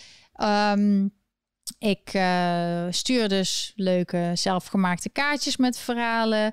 Ik kerstkaarten. Het is allemaal leuk. En er zijn manieren om voor mij om dit te blijven doen, zodat ik geen um, ja, sponsors hoef te gaan zoeken. Want dan weet je wel hoe dat gaat. Dan um, vertellen ze jou allemaal wat je moet doen. En als ik een sponsor ooit vind, dan is dat iemand, of als ik dat ooit zou doen, dan is het iets die mij helemaal vrij laat. Want ik laat natuurlijk nooit mijn mond snoeren. Maar ik kan het dus doen dankzij mensen zoals Jelle. Dus dank je wel. Um, ja. Dus ik heb er heel wat te doen deze week. Oh, we hebben dus weer een vraag van Anoniem waarschijnlijk. Dankjewel Anoniem. Wist je dat de eerste legale slavenhouder in de VS een gekleurde man is? Anthony Johnson uit Angola. Nee, dat wist ik niet. Ik wist wel dat in Afrika heel veel Afrikanen hun eigen medemensen verkochten als slaven. Dus uh, ik zag toevallig Christian Walker op Instagram, heb ik gedeeld. Oh, Dirk, wat heb je het mooi gemaakt? Dirk heeft het helemaal zelf zo gebouwd. is heel overzichtelijk. Je kan gewoon uit het menu kiezen. Stel een vraag en dan zie je ook dat ik live ben. Eenmalige donatie, dat kun je dus altijd doen. Maandelijkse donatie, nou echt top. Thanks Dirk. Het zal nog wel nog wat verbeterd worden, maar je bent goed bezig. Um, Dus altijd net even dat beetje extra weer eruit proberen te persen. Nee, nee, nee. Maar ik weet dat jij... Maar terug naar het onderwerp. Jij bent altijd verbeterd. Uh, jij maakt altijd mooi. Nee, over die uh, slavenhuis. En misschien... Je moet eens naar mijn Instagram kijken. Daar heb ik een video gedeeld van Christian Walker. En die is dus helemaal los aan het gaan. Zo over die Juneteenth, die, die, die uh, feestdag. Sommige mensen zeggen, ja, natuurlijk moet je dat vieren. Het is heel leuk. Maar ik heb het idee dat sommige mensen echt dit in plaats van July 4th willen gaan vieren. Um, dus in plaats van. Maar hij zei ook, laten we een, het vieren over, ja, dat juist zwarte mensen andere zwarte mensen hebben verkocht. En dat juist blanke mensen, ik weet trouwens niet of hij dat precies zei, maar hij had helemaal zo'n, hij ging helemaal los erover van, het is gewoon dat de zwarte mensen andere zwarte mensen verkochten. Dus, maar dat heb ik van veel meer African Americans gehoord en ook van Africans, mensen uit Afrika, dat dat onderling daar er nog heel veel slavernij is. En ook hij zei iets over dat uh, ze willen dan een vlag gebruiken met Afrikaanse kleuren, terwijl dat juist een gebied is waar nog steeds slavernij is. Op dit moment ook kinderhandel, kinderarbeid uh, in die mijnen om dus telefoons en al die dingetjes die wij allemaal gebruiken te maken. Het is daar heel erg. Dus hij zat zo van: waarom ga je daar dan een feest? Waarom ga je dat vieren? Um, dus je hebt dus bij de conservatieve movement, dus mensen die zeggen: oké, is goed, het is goed iets om te vieren. Geen probleem, we moeten niet alles aanvechten. En dan heb je ook weer mensen, dus zoals die Christian Walker, die ik dus heb gedeeld op mijn Instagram. Um, misschien kun je dat even laten zien, Dirk gewoon mijn Instagram of mijn stories. Ik weet niet of je dat kan zien trouwens. Ik had het gewoon, anders moet je naar Christian Walker gaan. Maar in ieder geval, dat is dan een van die mensen die dan een tegengeluid geeft van... We moeten wel realiseren dat er heel veel black uh, people hun eigen mensen hebben verkocht. En zeker ook in die hele discussie met uh, herstelbetalingen. Die bepaalde steden willen dat nu al gaan doen. Bepaalde, um, zoals Californië, die wil dat gaan doen. En um, dat, uh, ja, Donald Trump, oh ja, hij. Dus hij was helemaal los aan het gaan. Dus ik zou zeggen, kijk op mijn Instagram. Volg me ook. Dan heb ik dadelijk bijna 10.000 volgers. Ik heb heel veel mensen verloren toen ik dus nog steeds Trump steunde. Van dankjewel. Ik zei eigenlijk gewoon simpel: dankjewel Trump voor vier jaar vrede in de wereld. Dit is trouwens ook een hele goede video. Die moeten jullie ook kijken. Dit is dus een vader die dus de critical race theory um, aanpakt. Hij heeft zelf twee medical degrees en hij voelt zich absoluut niet onderdrukt. En hij ging dus even uitleggen dat um, kinderen op basis van kleur zeggen dat ze wel of niet iets zijn, dat dat racisme is. En dat Martin Luther King zegt: je moet kinderen, je moet mensen op hun karakter analyseren en niet op de kleur van. hij baseerde dat verhaal op het feit dat toen hij vroeg op school zat, bepaalde kinderen voorgetrokken werden met het halen van lunch tijdens de pauze. En hij werd, had daar resentment tegen op een gegeven moment. Automatisch ontwikkelde dat omdat hij niet snapte waarom hun voorgetrokken werden. Hij zegt, als je dat nou weer gaat doen, maar nou op basis van kleur of ras, hij zegt, dan, dan kun je er de donder op zeggen dat er hartstikke misgaat van alle tweede kanten. Ja. Het is uh, critical race theory is echt gewoon racisme in een ander jasje. En mensen zoals Ayaan Hirsi Ali, die Nederland dus kwijt is geraakt. Zij is een van de meest intelligente vrouwen in de wereld. En die is nu in New York aan de gang als human rights activist. En zij heeft net een nieuw boek geschreven. Ik wil die eigenlijk wel gaan lezen. Uh, Pray heet die volgens mij. En, maar zij is ook nu adviseur bij de FAIR-organisatie, Foundation Against Intolerance and Racism kun je misschien dadelijk ook nog een keer laten zien. Dus ik zou iedereen aanraden om ook wel mijn Instagram te volgen, sowieso. Lonneke Engel, omdat ik dan bijna 10.000 volgers heb. Maar ook omdat ik dus heel vaak die video's deel. En ik deel altijd video's met informatie. Um, en ik probeer niet te extreem of te hard te zijn, maar gewoon een verhaal, zodat jij je eigen mening kan vormen. Want ik wil dat jij gewoon zelf nadenkt en dat je zelf je mening vormt. Je hoeft niet altijd met mij gelijk te hebben uh, of mee eens te zijn, maar fair organisatie. Nee, je hebt de verkeerde. De ja, maar ik moet weten waar ik naar moet zoeken. Against Intolerance and Racism, fairforall.org. maar Nederland heeft dus Ayanus, ja, die hebben ze gewoon verloren. Omdat Nederland waardeert gewoon niet echt hoogintelligente mensen die echt voor tegen racisme en voor vrouwenrechten zijn. Ehm, die maken ze kapot. En dat is, het is heel vaak de mensen die juist het juiste doen voor de mensen, juist niet racistisch zijn, juist tegen discriminatie. En die worden altijd weggezet als. eh, en door mensen die dus juist discrimineren, juist voor macht dingen doen. Maar dit is dus, eh, dit vind ik een organisatie die doe, volg ik ook op Instagram. En ik eh, vind dat heel erg interessant. Die zijn in korte tijd vanwege de critical race theory ook dat Biden dat nu ineens allemaal in alle scholen wil eh, lesgeven. daar- dat is wel een goed voorbeeld. Want bij Ayaan Hirsi Ali, bij Theo van Gogh, bij Geert Wilders, die, die waren allemaal heel kritisch, ook op de politiek.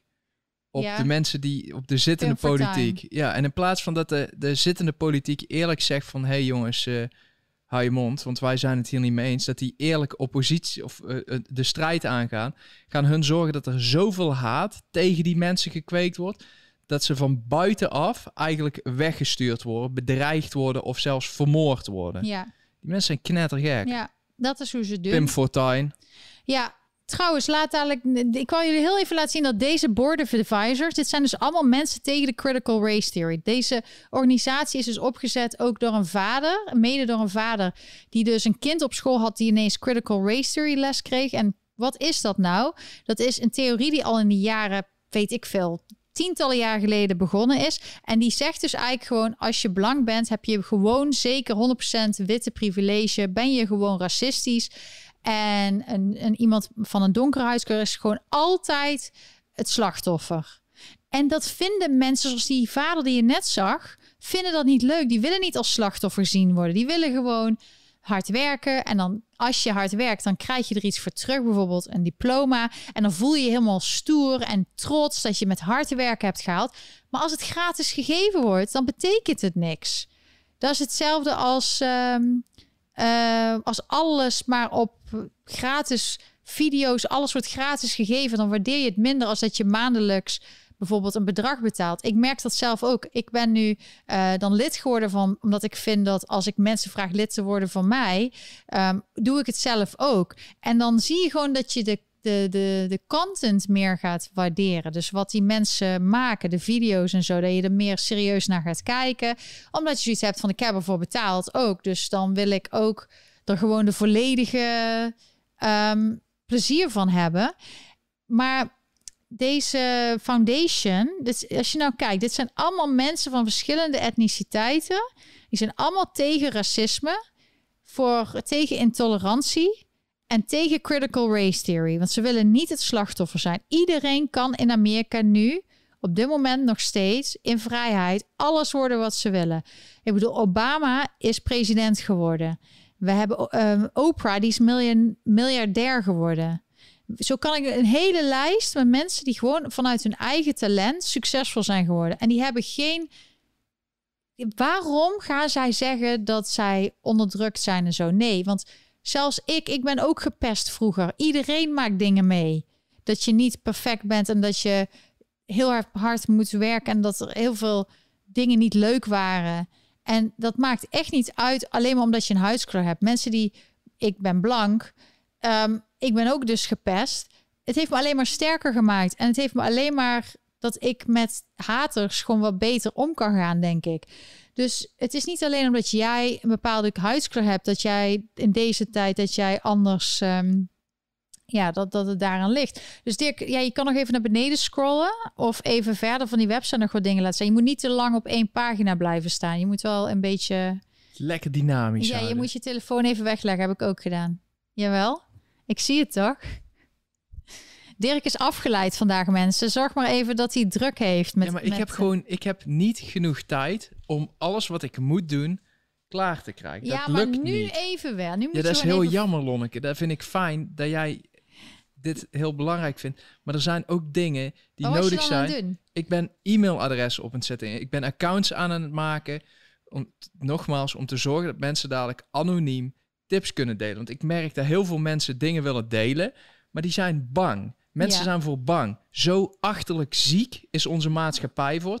Dat mensen bang zijn om dingen die ze zelf meegemaakt eh, eh, hebben te delen met anderen. Omdat ze bang zijn voor repercussies vanuit de overheid. Ja, dat bijvoorbeeld, maar ook andere mensen. Maar in ieder geval, deze organisatie is heel goed.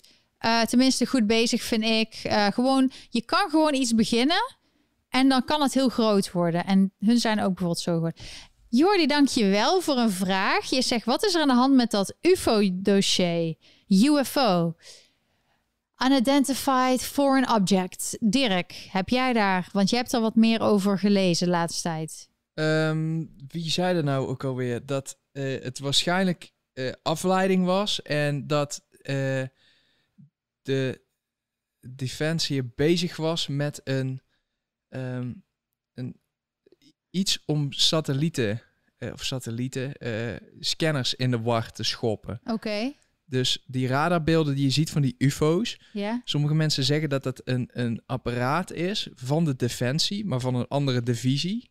Die ze aan het testen waren om eh, radarsystemen in de war te schoppen. Dus ze konden van die bolletjes eh, op een willekeurig radarsysteem, waar dan ook ter wereld, projecteren. En ze zeggen dat ze dat aan het testen eh, waren. Oké. Maar verder weten we dus ook nog steeds niet. Maar het is Het wel... is niet bevestigd, niet ontkend, net zoals de vaccinatie van Ericsson. Jij doet meteen weer eventjes eh, iets eh, linken eraan die er, wat er helemaal niks mee te maken heeft. Maar de UFO, ik denk dat we er meer over gaan horen. Want als dadelijk mensen niet meer bang zijn van een vaccinatie, dan eh, moeten ze weer bang zijn van UFO's. Ik heb zoiets, we zien het allemaal wel. Ik zat laatst ook te denken, hè.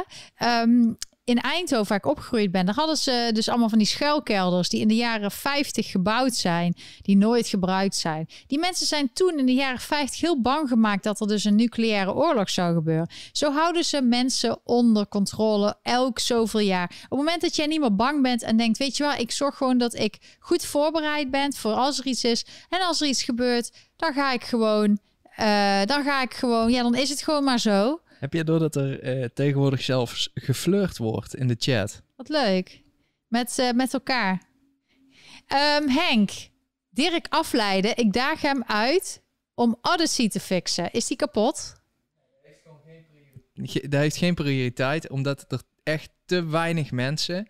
Iedereen roept altijd heel hard, oh, en je moet niet op YouTube, je moet niet op Twitter, je moet niet op Facebook. Maar het aantal eh, mensen dat daadwerkelijk naar alternatieve media gaat kijken, is vrijwel nihil. Het enige wat een beetje liep, maar vooral onder de Amerikanen, was Gap TV. Maar dat is ook omdat die mensen jou heel erg promoten eigenlijk. Ehm, maar eh, Odyssey, of van Odyssey was sowieso echt een drama. Ik heb tig keer met die mensen gemaild. Ik werd er knettergek van. Ehm, en het aantal kijkers is gewoon minimaal. En eh, wa- wat is het? Hoeveel mensen zitten er ondertussen op Gap? Of eh, eh, wat heb je? De, de nieuwe Free Think of zoiets. Het, het heeft... Tijd nodig. Ja, het krijgt geen tractie. Helemaal Ja, niks. of hij bedoelt misschien dat Odyssey zelf kapot is. Maar wij kunnen niet alles... wij doen alles maar met Dirk en ik samen. Dus je, als je iets wil maken... Mensen die dus webdevelopment doen of zo... Je weet gewoon dat alle dingetjes veranderen kost gewoon tijd. Dus je moet gewoon heel veel tijd investeren om dingen beter te maken. Dat vind ik nou fijn dat je dat zegt. Want iedereen zegt altijd, oh, kun je even snel dit doen? Kun je even snel dat? Oh, dat Ja, kost niet zoveel tijd. Doe gewoon niet. even dat. Iedereen die, in, die weet van websites bouwen en zo... die weet gewoon dat het allemaal tijd kost. En dat het moeilijk is. Maar dank je Henk en ook Jordi voor die vragen. Zijn er nog meer vragen, dan eh, gaan we die beantwoorden. Er zijn nog een paar dingetjes die ik jullie wil laten zien. Ehm, we hadden het dus net over dat bijvoorbeeld Ayaan Hirsi Ali weggepest wordt. Eh, dat bijvoorbeeld die, die vrouw die van de toeslagenaffaire zegt ook in dat artikel dat ze eigenlijk het liefst van wil emigreren naar Australië, omdat ze gewoon, ja, die voelt zich niet meer fijn. Maar je hebt bijvoorbeeld ook in Nederland Lale Gül. Ik weet niet of je haar hebt gezien. Eh, zij is dus eh, naar buiten gekomen omdat ze heel erg streng islamitisch opgevoed is. En ehm, die heeft dus daar, is daar uitgestapt. En die zit ook in een safe house. In Nederland kun je gewoon niet vrij zijn. En dat is al tientallen jaren zo. Ehm, als jij dus bepaalde dingen vindt. In andere landen, als jij er iets over zegt, nou, dan kun je al helemaal niet dat soort dingen zeggen. Maar in Nederland was altijd het idee. In Nederland kun je alles zeggen. In Nederland ben je vrij. Nee, dat is absoluut niet waar. Nederland is al tientallen jaren niet meer vrij, omdat uh, wil je echt de Nederlandse waarden die er vroeger waren vasthouden en uiten, zoals bijvoorbeeld Hirsi Ali doet of Lale Gul, dan word je gewoon kapot gemaakt en bedreigd. En uh, waar zijn al die feministen en die vrouwen, die, die mensen die de vrouwen steunen? Want die mensen hebben dan niet die steun ontvangen. Maar um, zij had dus een artikel ook over dat zij bijvoorbeeld uh, Fortuin begrijpt. Heb je dat toevallig, uh, kun je dat uh, even opzoeken? Dan mensen over, even laten over zien. Google? Ja. En Hoe over, schrijf je dat? Want ik heb hier... G-U-L. Met G, met U, met puntjes erop en L. En dan zie je dat ze zegt een hoofdstuk Fortuin. En, uh, maar daar had ik het laatst ook over. Fortuin is 20 jaar geleden is hij vermoord. Uh, mede dus uh, door de politieke druk. Doordat bepaalde mensen hem dus ook demoniseerden. Wat ze nu dus ook bij Thierry Baudet proberen te doen. Uh, met dubbele meten met twee maten, dubbele maatstaf. Dat ze Thierry anders behandelen als andere politici die bepaalde dingen zeggen. Um, daarmee creëer je dus een klimaat waarin mensen denken dat alles is geoorloofd. En dat is dus ook bij Fortuin. Alleen wat je dus ziet is dat heel veel jongeren de laatste tijd de gedachtegoed van Fortuin heel erg gaan waarderen. Um, hij was natuurlijk homo. Uh, hij was heel uitgesproken. En zij zelf ook zegt ook dat zij ook alles is gaan onderzoeken. Al zijn speeches, alles wat hij heeft gezegd. En zij zei: Het, er, het enige wat ik, uh, het ergste wat ik heb gezien is dat hij zei dat islam is een achterlijke religie. Dat zij dat zei. Of dat hij dat zei. Dat is het meest extreme wat ik hem ooit heb horen zeggen. Maar hij is niet. Ja, en dan vindt de islam andersom ook van christelijk en joods. Dus nou, dan zijn we allemaal weer tegen elkaar aan het zeiken. Misschien moeten we gewoon een keer ophouden. Ja. En dan is er niks aan de hand. Ja, dus zij zei dus in de tijd, schrijfster Lale Gul, Fortuyn was niet extreem rijk, zij had gelijk. Dus um, ja, ik hoop echt het beste voor haar dat zij, zij dat is haar mening, dat zij moet beschermd worden. Uh, als jij dat vindt, ik heb nooit, um, ook bijvoorbeeld, uh, daar hadden we het laatst over, zo mensen die bijvoorbeeld zo'n uh, ik wil precies weten wat mensen altijd denken. Zodat ik precies weet wie aan mijn kant staan en wie uh, ik in de gaten moet houden. Als alles maar verboden moet worden of gecensureerd, dan kan ik niet meer in de gaten houden wie wat denkt of zo. Ja, maar daarnaast heb je zelf ook niet alle wijsheid in pacht. En ondanks dat ik met veel mensen niet eens ben, wil niet zeggen dat ze ongelijk hebben en dat ik misschien niet in de toekomst of nu daar iets van kan leren. Dus ik vind het gewoon heel dom om die mensen te cancelen allemaal. Ja, die moeten dat gewoon zeggen. Maar ik ben benieuwd hoe het verder gaat. Maar ik zag dat bijvoorbeeld deze week in het nieuws. Vond ik heel interessant. Um, ik zie ook iemand zeggen... respect voor Pieter Omtzigt en Renske Leijten... voor hun goede moed tegen de fraudeurs. Ja, want de fraudeurs was dus de overheid. Zij beschuldigen andere mensen van dingen die zij doen.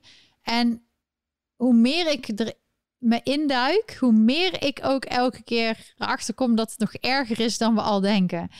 De toeslagaffaire is maar een druppeltje op een hete plaat. Um, denk maar dat er nog heel veel meer naar buiten komt.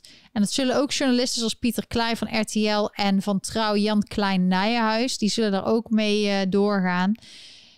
Dus uh, ik, ja, maar als wij zelfs al verhalen binnenkrijgen van mensen, dan kun je nagaan wat die mensen van Trouw binnenkrijgen, van de RTL Nieuws, wat uh, de politiek aan verhalen binnenkrijgt, wat de Belastingdienst hoort. En het feit dat ze daar niks aan doen, is gewoon triest. Ja, maar zolang die mensen blijven zitten, die houden elkaar dus net zo in Amerika. Sommige mensen zitten hier al 40 jaar in de politiek, als het niet langer is. En die houden elkaars handje boven het hoofd. Het beste wat er kan gebeuren is term limits. Dat je gewoon na zoveel jaar moet je gewoon weg. Want dan word je gewoon gevoelig voor corruptie sowieso. Dat is gewoon hoe langer je zit, hoe meer kans. Het beste is eigenlijk dat je even een paar jaar iets doet en dan weg. Um, maar je ziet ook in Nederland dat er gewoon mensen te lang in die politieke molen blijven zitten. Ja, en er is gewoon. Uh, sommige mensen hebben gewoon een moraal, moreel kompas. Wat absoluut gewoon kapot is. En die denken alleen maar aan zichzelf, aan macht en power. En ik snap niet hoe die naar bed kunnen gaan. En, en ook sommige ambtenaren. Maar die zijn waarschijnlijk gewoon best wel.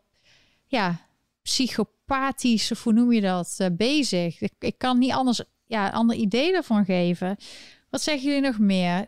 Dat ik me moet verdiepen in de Arizona audit. Nou, ik zal er ook deze week wat meer gaan uh, onderzoeken. Um, ja, ik zie ook dat er iemand over journalisten dat ze geen podium krijgen, zie ik in de chat. Sommige mensen, maar je moet gewoon beginnen. Je begint ergens. Word of mouth. Zo is het vroeger ook altijd gegaan. En dat kan in deze tijd ook. Gewoon met iedereen die je praat erover hebben en jouw informatie doorgeven. In deze tijd is dat gewoon heel belangrijk. Je kan over koetjes en kalfjes praten, maar je kan ook op een. Je moet leren zelf om op een gestructureerde manier over belangrijke onderwerpen te praten met mensen, omdat dat in deze tijd gewoon heel belangrijk is. Um, en inderdaad, iemand zegt alles komt uiteindelijk uit. De. Wat zeggen jullie nog meer? Ik wou nog iets laten zien vandaag. Oh ja, er is één um, topsporter in Amerika. Een NFL-player. Die is, uh, ik ben even zijn naam kwijt, maar die kan er wel vinden. Die is naar buiten gekomen dat hij geen vaccinatie neemt. En hij zegt gewoon: laat me maar rust. Ik laat jullie met rust. Als je bang bent voor mij, ga weg. Maar ik wil gewoon leven zolang ik leef. En als ik dan anders word verbannen... Cole Beasley? Een blonde gast met blonde zo haar zo. Volgens mij wel. Hij is nu allemaal in het nieuws in Amerika. Dat hij gewoon heeft gezegd, ik ga daar gewoon niet meedoen. Ik ga daar gewoon niet doen. Um, en als ik daardoor niet meer mag sporten, dan is het maar zo. En dat is dus wat ik al de hele uitzending probeer te zeggen. Op het moment dat je denkt, dan is het maar over. Want ik laat me niet onder druk zetten om iets te doen. Dan valt er een last van je af. En dan kun je gewoon. Maar ik denk dat het misschien voor jou makkelijk is, omdat jij toen heel ziek geworden bent. En jij hebt je erbij neer moeten leggen dat je sommige dingen niet meer kan doen. Ja, maar heb jij het gevonden al ondertussen? Ik ben bezig, want hij heeft... Ik heb hier iemand met mooie blonde krullen, maar die heeft wel continu een helm op. Dus ik zoek een foto zonder een helm. Nee, dat maakt niet uit. Anders is het maar dat hij zijn pak aan heeft. Dan zie je dat het NFL-speler is. Maar hij heeft dus... Ehm, ja, maar jij zegt over mij, omdat ik dus alles kwijt ben uh, qua gezondheid geraakt. Ik ben acht jaar geleden heel ziek geworden, of negen jaar. Um, en daardoor kijk ik anders naar de wereld. Ja, misschien heeft... Ik heb gewoon zoveel jaar meer tijd gehad om gewoon afscheid te nemen van bepaalde dingen. Maar als hij, deze sporter, is gewoon nu actief in de NFL, in uh, de American football. Dat zegt al heel wat dat hij het zelfs kan doen. Dat hij gewoon zegt: Ik wil gewoon doen wat ik zelf wil voor mijn gezondheid, waar ik in geloof. En als ik doodga, dan is het maar zo. Als ik gecanceld word, dan is het maar zo. Ik ga gewoon verder leven met mijn familie. Maar die is wel al binnen, hè? Dat je het even ja, weet. Ja, dat klopt. Maar het is wel een goede voorbeeld. Je hebt ook heel veel celebrities die zijn alleen maar bang om dingen te verliezen. Die willen nog steeds die fame en money. En uh, we hebben dus meer van dat soort mensen nodig. Maar ook, hoe heet die Nederlandse sporter? Die dus niet naar de Olympische Spelen gaat, die volleybalster. Die heeft gezegd van, uh, die kunnen we ook nog even laten zien dadelijk. Maar dit is uh, Cole Beasley. Heb jij deze, staat het eronder ergens? Van... Um, want je jij laat er nu één zien waar niks bij staat over dat hij dan... Ik heb er heel veel gevonden, maar die zitten elke keer achter een paywall. Ik snap okay. ook niet waarom kranten dingen achter een paywall doen. Want niemand leest die ondingen nog. Want ze kopiëren en plakken ja, alles van Reuters. Anders moet je het op Instagram zoeken. Het enige wat ze doen is mij extra laten zoeken voor Ja, niks. maar je kan ook even het op Instagram laten zien. Want even googlen naar zijn naam, dan zie je, of even zoeken, dan zie je een bepaalde post. Misschien heb ik die zelfs gedeeld. Heb ik die niet ook gedeeld? Nee, maar ik heb het in ieder geval heel veel gezien. Hij heeft dus gewoon echt gezegd: ik doe het niet. En dat is zijn keus. Maar waarom gaan ze dan hem aanvallen? Ik vind dat echt een held dat hij tegen in de tijd met al die druk gewoon denkt: ik heb er zelf over nagedacht. Ik heb goed onderzoek gedaan. Ik wil dit gewoon niet doen. En uh, oh ja, je zat net. Ik zag net één artikel staan. Die tweede, die was het volgens mij die ik had gezien. Dirk die vindt heel frustreerd, sorry. Normaal heb ik altijd een hele lijst met van tevoren met websites die ik wil laten zien. Maar dat is dus, uh, had ik geen tijd voor. Dus nu zijn we even met elkaar allemaal aan het zoeken. Um, ik weet niet of je het dat allemaal hoeft te laten zien, wat, dat je allemaal zoekt. Nee, maar ja, het is een beetje warrig aan het worden, Lonneke, allemaal ja, vandaag. Maar doe maar even weg. Ik weet niet wat je allemaal, allemaal, nou laat je allemaal... Dan hebben mensen gezien dat ik wel eens naar Dumpert kijk. Potverdikkie. Oh, anyway. Ja, Dirk die in zijn vrije tijd vindt hij wel die Dumpert filmpjes wel grappig. Nou, ik Ehm, vind dat Dumpert tegenwoordig gewoon beter nieuws brengt dan eh, de gemiddelde krant in Nederland, helaas. Ja. Maar die man en dan dat meisje, die volleybalster. Nou, voor mij had ze al goud gewonnen. Dat ze gewoon zegt, ik, mijn gezondheid gaat voor. Want stel je voor, en ik heb dus ook wat ik dus denk, een burn-out met na, na een tijd dat ik een veel vaccinaties heb gehad. ehm, waarvan ik dus denk dat ik dus eh, immuunproblemen heb gekregen na die dingen. Dus een soort vaccinatieschade heb gehad. Ik heb daarna mijn werk niet meer kunnen doen. Ik heb geen modellenwerk meer kunnen doen. Dus het heeft mij financieel enorm geschaad. Als ik dat allemaal wist van tevoren, had ik misschien ook anders of ze verspreid of een waiver gevraagd van hey, ik heb eh, ik, ik, dit was om een green card te krijgen. Dan moet je gevaccineerd worden in Amerika. Terwijl ik al heel lang in Amerika woonde op een visum. Maar als jij dus geen visum hebt, als jij, maar als je dan een green card krijgt, dan moet je ineens gevaccineerd worden. En ik deed dat gewoon. Maar je moet, ehm, je moet, ja, er gewoon over nadenken als je iets doet, medisch, wat dan ook met je lichaam. Moet je met je dokter goed over ja, maar de hebben. dokter moet daar ook eerlijk over Ja, zijn. Als jij, kijk, die mensen die zitten 14 jaar op school om dokter te mogen zijn. Wa- wa- Wat bezielt hun dan om op het moment dat iemand bij hun komt voor een vaccinatie, om die prik gewoon in hun arm te zetten? Ongeacht of het nou mazelen, tetanus, corona of wat dan ook is. Je hebt daarvoor gestudeerd. Je weet wat er, wa- dat er negatieve gevolgen aan kunnen zitten. Ga met die mensen in gesprek. Zeg even wat er kan gebeuren. Zodat je- jij niet degene bent die voor die mensen de beslissing maakt. Maar zodat die mensen dat zelf kunnen doen. En dat hebben ze bij jou ook niet gedaan. hebben ze bij mij ook niet gedaan. En dat Het is gewoon, oh, spuit in je arm en that's it. En we verder helemaal niks. Geen begeleiding of wat dan ook. Ehm, dus ik, mijn carrière is daar dus ook door mede kapot gegaan. Eh, ik heb dat wel vaker in mijn live chats gezet. Dat, dat ik dat verdenk eh, dat het daarna dus allemaal misging. Omdat ik er te veel achter elkaar allemaal tegelijk kreeg. Gewoon spuit, spuit, spuit. Dat, ik, ja, dat ik daardoor een auto-immuunziekte heb ontwikkeld. En dat ik een burn-out daardoor heb gekregen. Dus voor mij is het eigenlijk... Je weet het nooit eh, helemaal precies hoe het gaat. Maar het is wel zo dat vanaf dat moment het helemaal misging. Dus ja, als ik het had geweten, dan had ik misschien nu nog een carrière gehad op dat vlak. Dan was ik misschien ook niet zo ontwikkeld geweest over politiek en echte duurzaamheid. En had ik niet al die fabeltjes zo goed door, door zeg je dat? Ehm, dan had ik het niet zo doorgehad, denk ik. Maar ja, het heeft gewoon impact gehad in mijn leven. Maar Cole Beasley die heeft zijn public service announcement naar buiten gedaan. En hij zegt bijvoorbeeld: Everyone, hi, I'm Cole Beasley and I'm not vaccinated. I will be outside doing what I do. Um, if you scared of me, then steer clear or get vaccinated. Moet je zelf weten. Hij zei: ik, mag, ik ga misschien wel eraan dood, maar ik ga liever dan dood terwijl ik echt leef, dan dat ik. eh, En ook dat hij familieleden heeft die niet. Moet je je voorstellen dat je 80, 90 jaar oud bent, dan heb je maar een paar jaar te leven. En dat je dan zo'n groot gedeelte van binnen zit. Dat je je familie niet kan zien. Er zijn ook mensen die hebben een jaar binnen gezeten en dan kunnen ze eindelijk naar buiten en dan gaan ze dood. Niet eens aan COVID, maar gewoon die hebben de hele jaar binnen gezeten. Dus je moet altijd zelf afwegen. Wat zijn de risico's? Wat wil ik doen? Wat wil ik anderen? Uh, ook als ouderen, wil jij gewoon leven of wil jij... Uh, iedereen moet dat zelf kiezen. En hij zegt dat gewoon zo op een hele mooie, respectvolle manier. Ik kan dat echt waarderen. Dus ik ga hem ook volgen op Twitter. Want ik zie nou dat hij op Twitter is. Vind ik heel goed. Die mensen mogen wel gesteund worden. Al was en, het maar voor zijn mooie blonde krullen. ja, ik hou helemaal niet van dat soort sport, maar toch.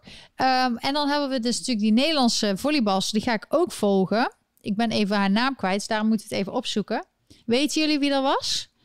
Dan is het voor ons wel makkelijker.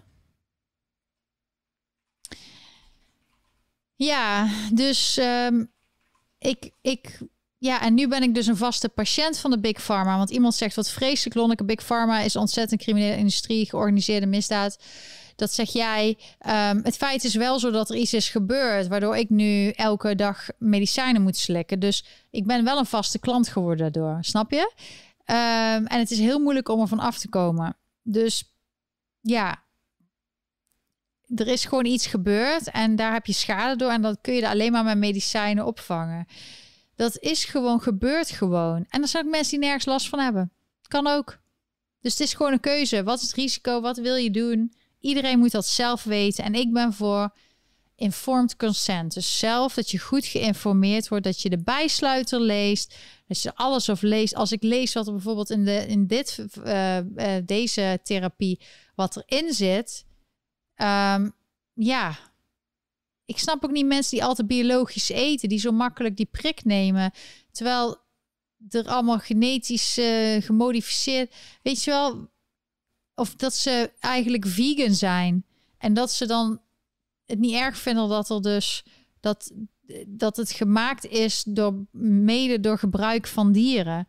Um, ik weet niet wat dat is. Je zou denken dat ze dan altijd gewoon.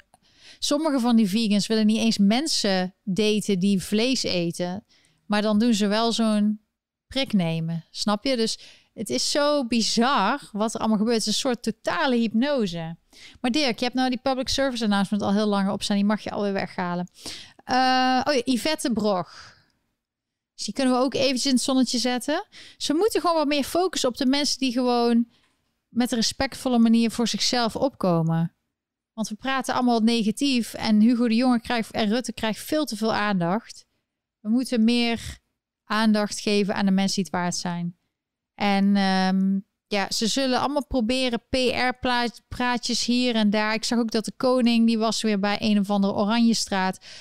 Ze zullen alles doen om maar goed in PR-beeld te komen. Maar je moet gewoon wel gefocust blijven op wat er allemaal aan de hand is.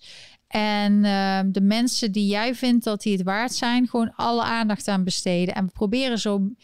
Ja, je moet natuurlijk wel de informatie delen met mensen, maar we moeten in plaats van heel tijd zeiken op negatieve mensen, vooral focussen op de mensen die het goed doen en dat als voorbeeld zien.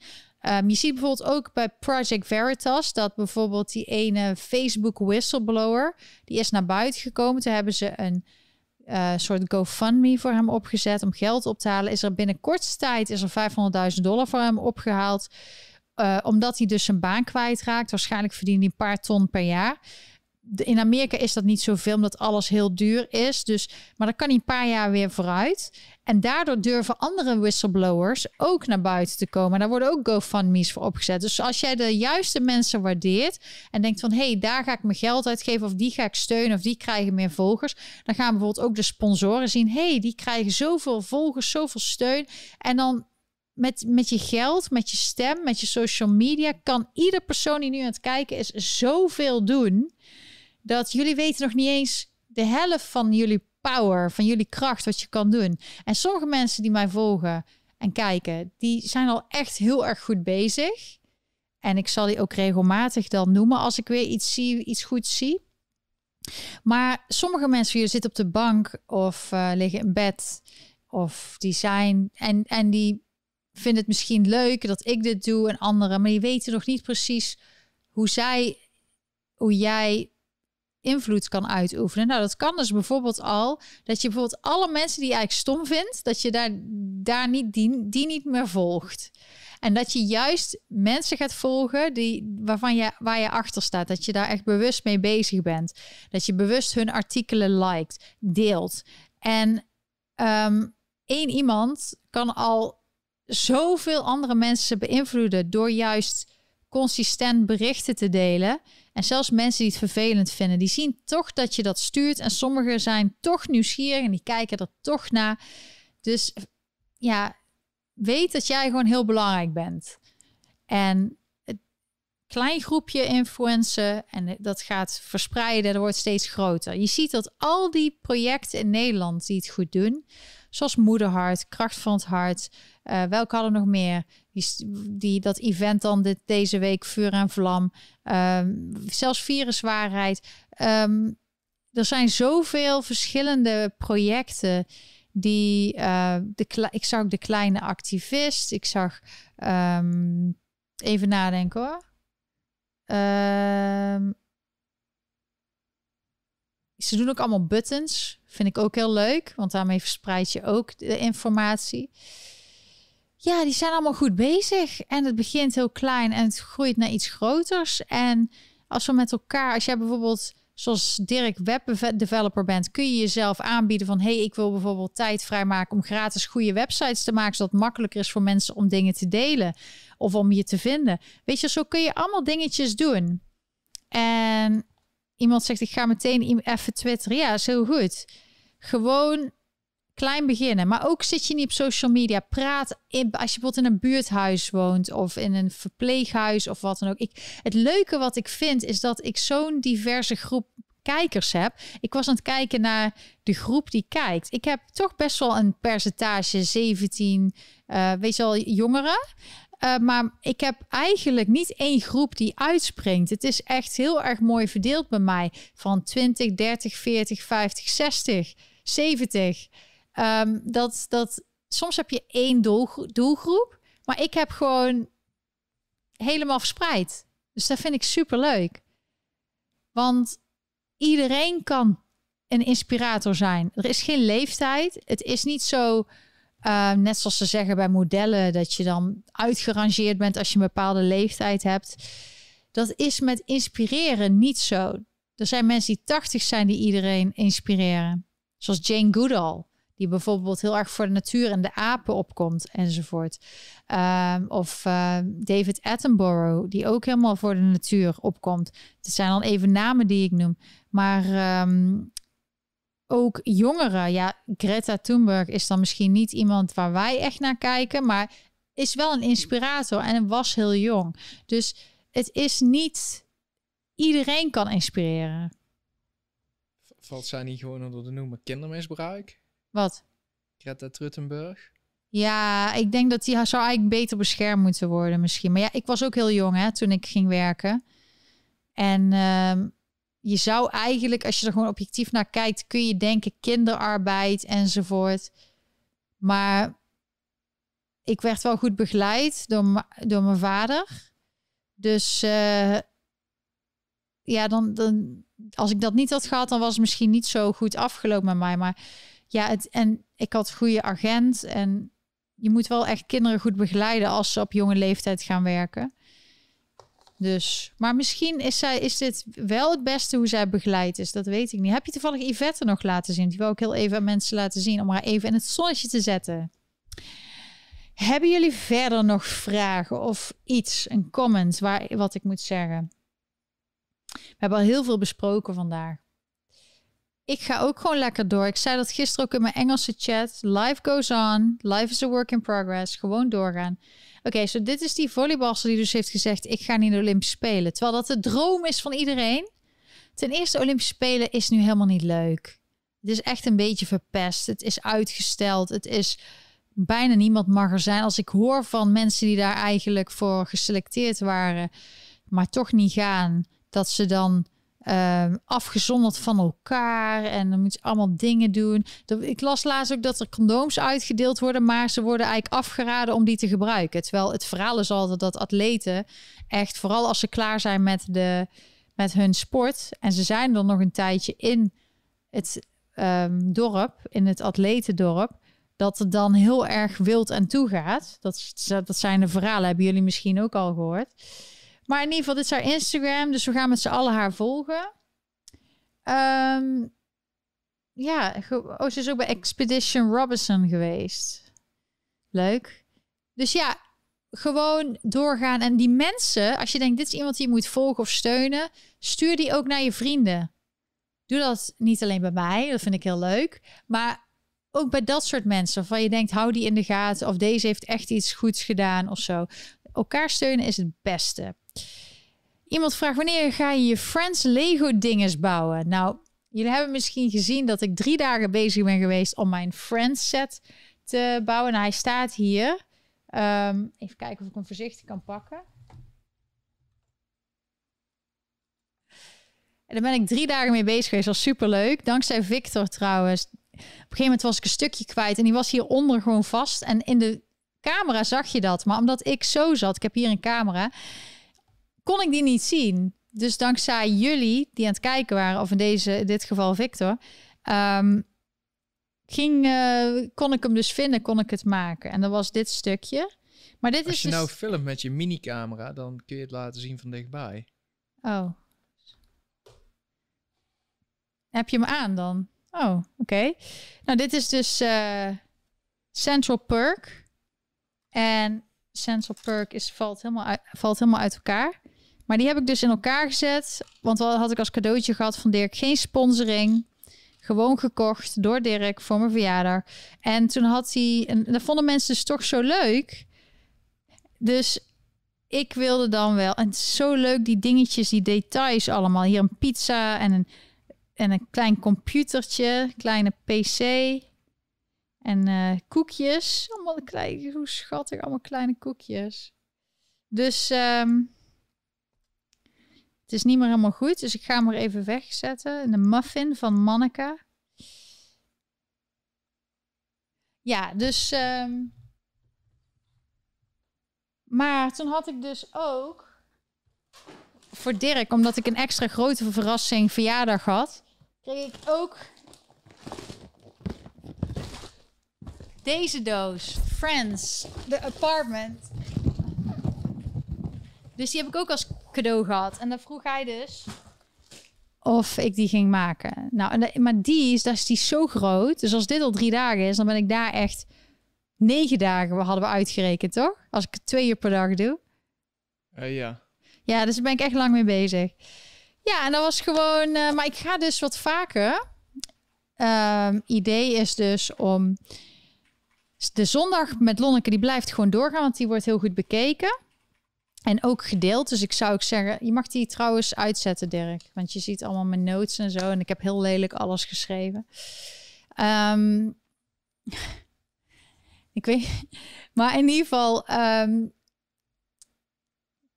eh, ik ga de zondag daarmee door. De zondag met Lonneke. Alleen zaterdag ga ik dus wat meer dingetjes doen die ik leuk vind. Terwijl ik aan het chatten ben.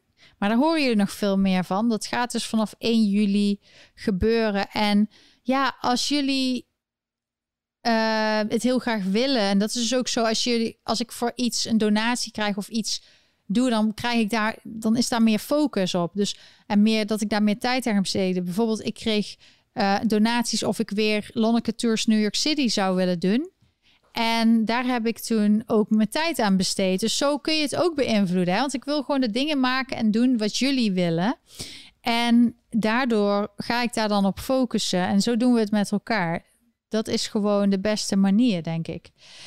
Ja, en daar ga ik dus mee door. Ehm, verder, wie, tegen wie gaat Nederland morgen voetbal of, eh, spelen? En het is trouwens niet belangrijk. Ze zijn al geselecteerd, toch? Voor de 1-8ste. via- eh, ehm, weet dat? Nee, het is sowieso helemaal niet belangrijk, zegt Dirk. Het is helemaal niet belangrijk. Wat gaan jullie verder doen deze week? Daar ben ik wel benieuwd naar. Ehm, ik ga dus heel veel editen. Ik ga dadelijk lekker eten. Wat Dirk heeft gemaakt. Mijn eh, vrienden, of onze vrienden, die Daar hebben... ben ik tussendoor dus ook nog aan Ja, het Dirk, doen. De hele rent tijd op en neer aan het Ja, rennen. dus Dirk die rent soms even naar de oven om te kijken of alles goed is. Maar de, de, onze vrienden hebben voor de groenten en de rest gezorgd. En dan Dirk, en ja, Dirk heeft vooral voor het vlees gezorgd. En dat is mijn laatste eigenlijk soort celebration van mijn verjaardag voor deze week. De birthday week. Ik heb lekker lang gewoon. En ik vind het super leuk ook met jullie dat jullie ehm, ja, mij eh, gelukswensen hebben gestuurd. We gaan gewoon door. Life goes on. It's a work in progress. Gewoon door blijven gaan. Je kan niet alles afkrijgen in één dag. Gewoon elke dag iets doen. Ook als je iets, zelfs met een verbouwing of ehm, dat zeg ik ook altijd met Organize Your Life. Dat het is een work in progress. Dus elke dag moet je gewoon proberen je beste dag te maken. Maar je kan niet alles perfect doen. Dus je bent, je moet gewoon vooruitdenken. Maar op een manier ook dat je waardeert wat je op die dag doet. En dat als je één dingetje afkrijgt, dat je al helemaal trots bent en blij bent met wat je hebt gehaald. En niet alleen maar denken, oh, ik heb dit niet gedaan, ik heb dat niet gedaan. Nee, als je gezond bent, je hebt goed gegeten, je hebt gelachen met je vrienden, je hebt goed geslapen, je hebt een beetje kunnen sporten, je hebt iets op kunnen ruimen, of je hebt iets kunnen doen wat je moest doen. Dan heb je al heel wat bereikt. En als je zo tot het einde van je leven kan leven, dan is echt super. Je moet er echt een einde aan breien, Lonneke, want ik moet dat ding eh, eruit halen. Je, hoe- hoeveel uur heeft hij erin gezeten, Dirk? Acht. Acht uur. Hoe top is dat? Dank je, Casper, voor je Foxy sticker. Super lief.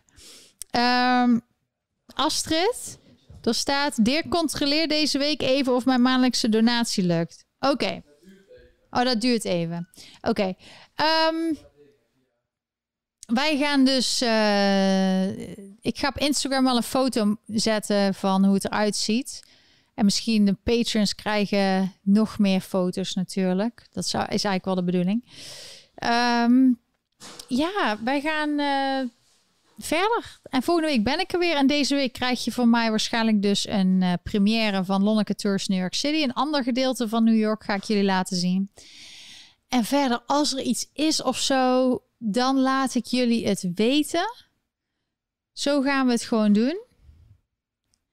Ehm, Even kijken. Oh, je hebt tentamens. Ik zei dat Kent heeft tentamens vandaag. Wens ik je heel veel succes. Dan hoop ik volgende week dat je zegt dat het helemaal eh, goed is gegaan. Wat verder? Ehm, ja, vlees. Iemand heeft allemaal vlees eh, emoticons. Wat stond er op de notes? Ja, ik doe altijd een beetje gewoon snel wat keywords, zo van eh, steekwoorden van oh, dit wil ik het over hebben, dit. Als ik even niet meer weet waar ik over moet praten, dan kijk ik even en zie ik, oh ja, dat. En volgens mij heb ik ze allemaal voor vandaag gehad. Dus het is bij jullie al laat. Ik wacht even tot Dirk eh, er is om. Ja, dan even rustig, Dirk. Het is allemaal goed. Wij. eh, Ik wil jullie bedanken voor deze leuke chat en jullie donatie en steun en praten. Allemaal leuk. Doei. ja, ik moet weg. Je blijft maar doorlullen, Lonneke. Het moet nu. Zeg doei tegen de mensen. Dankjewel voor alles. Ja, Dirk heeft stress. Dankjewel mensen. Tot de volgende keer. Doei. Bye.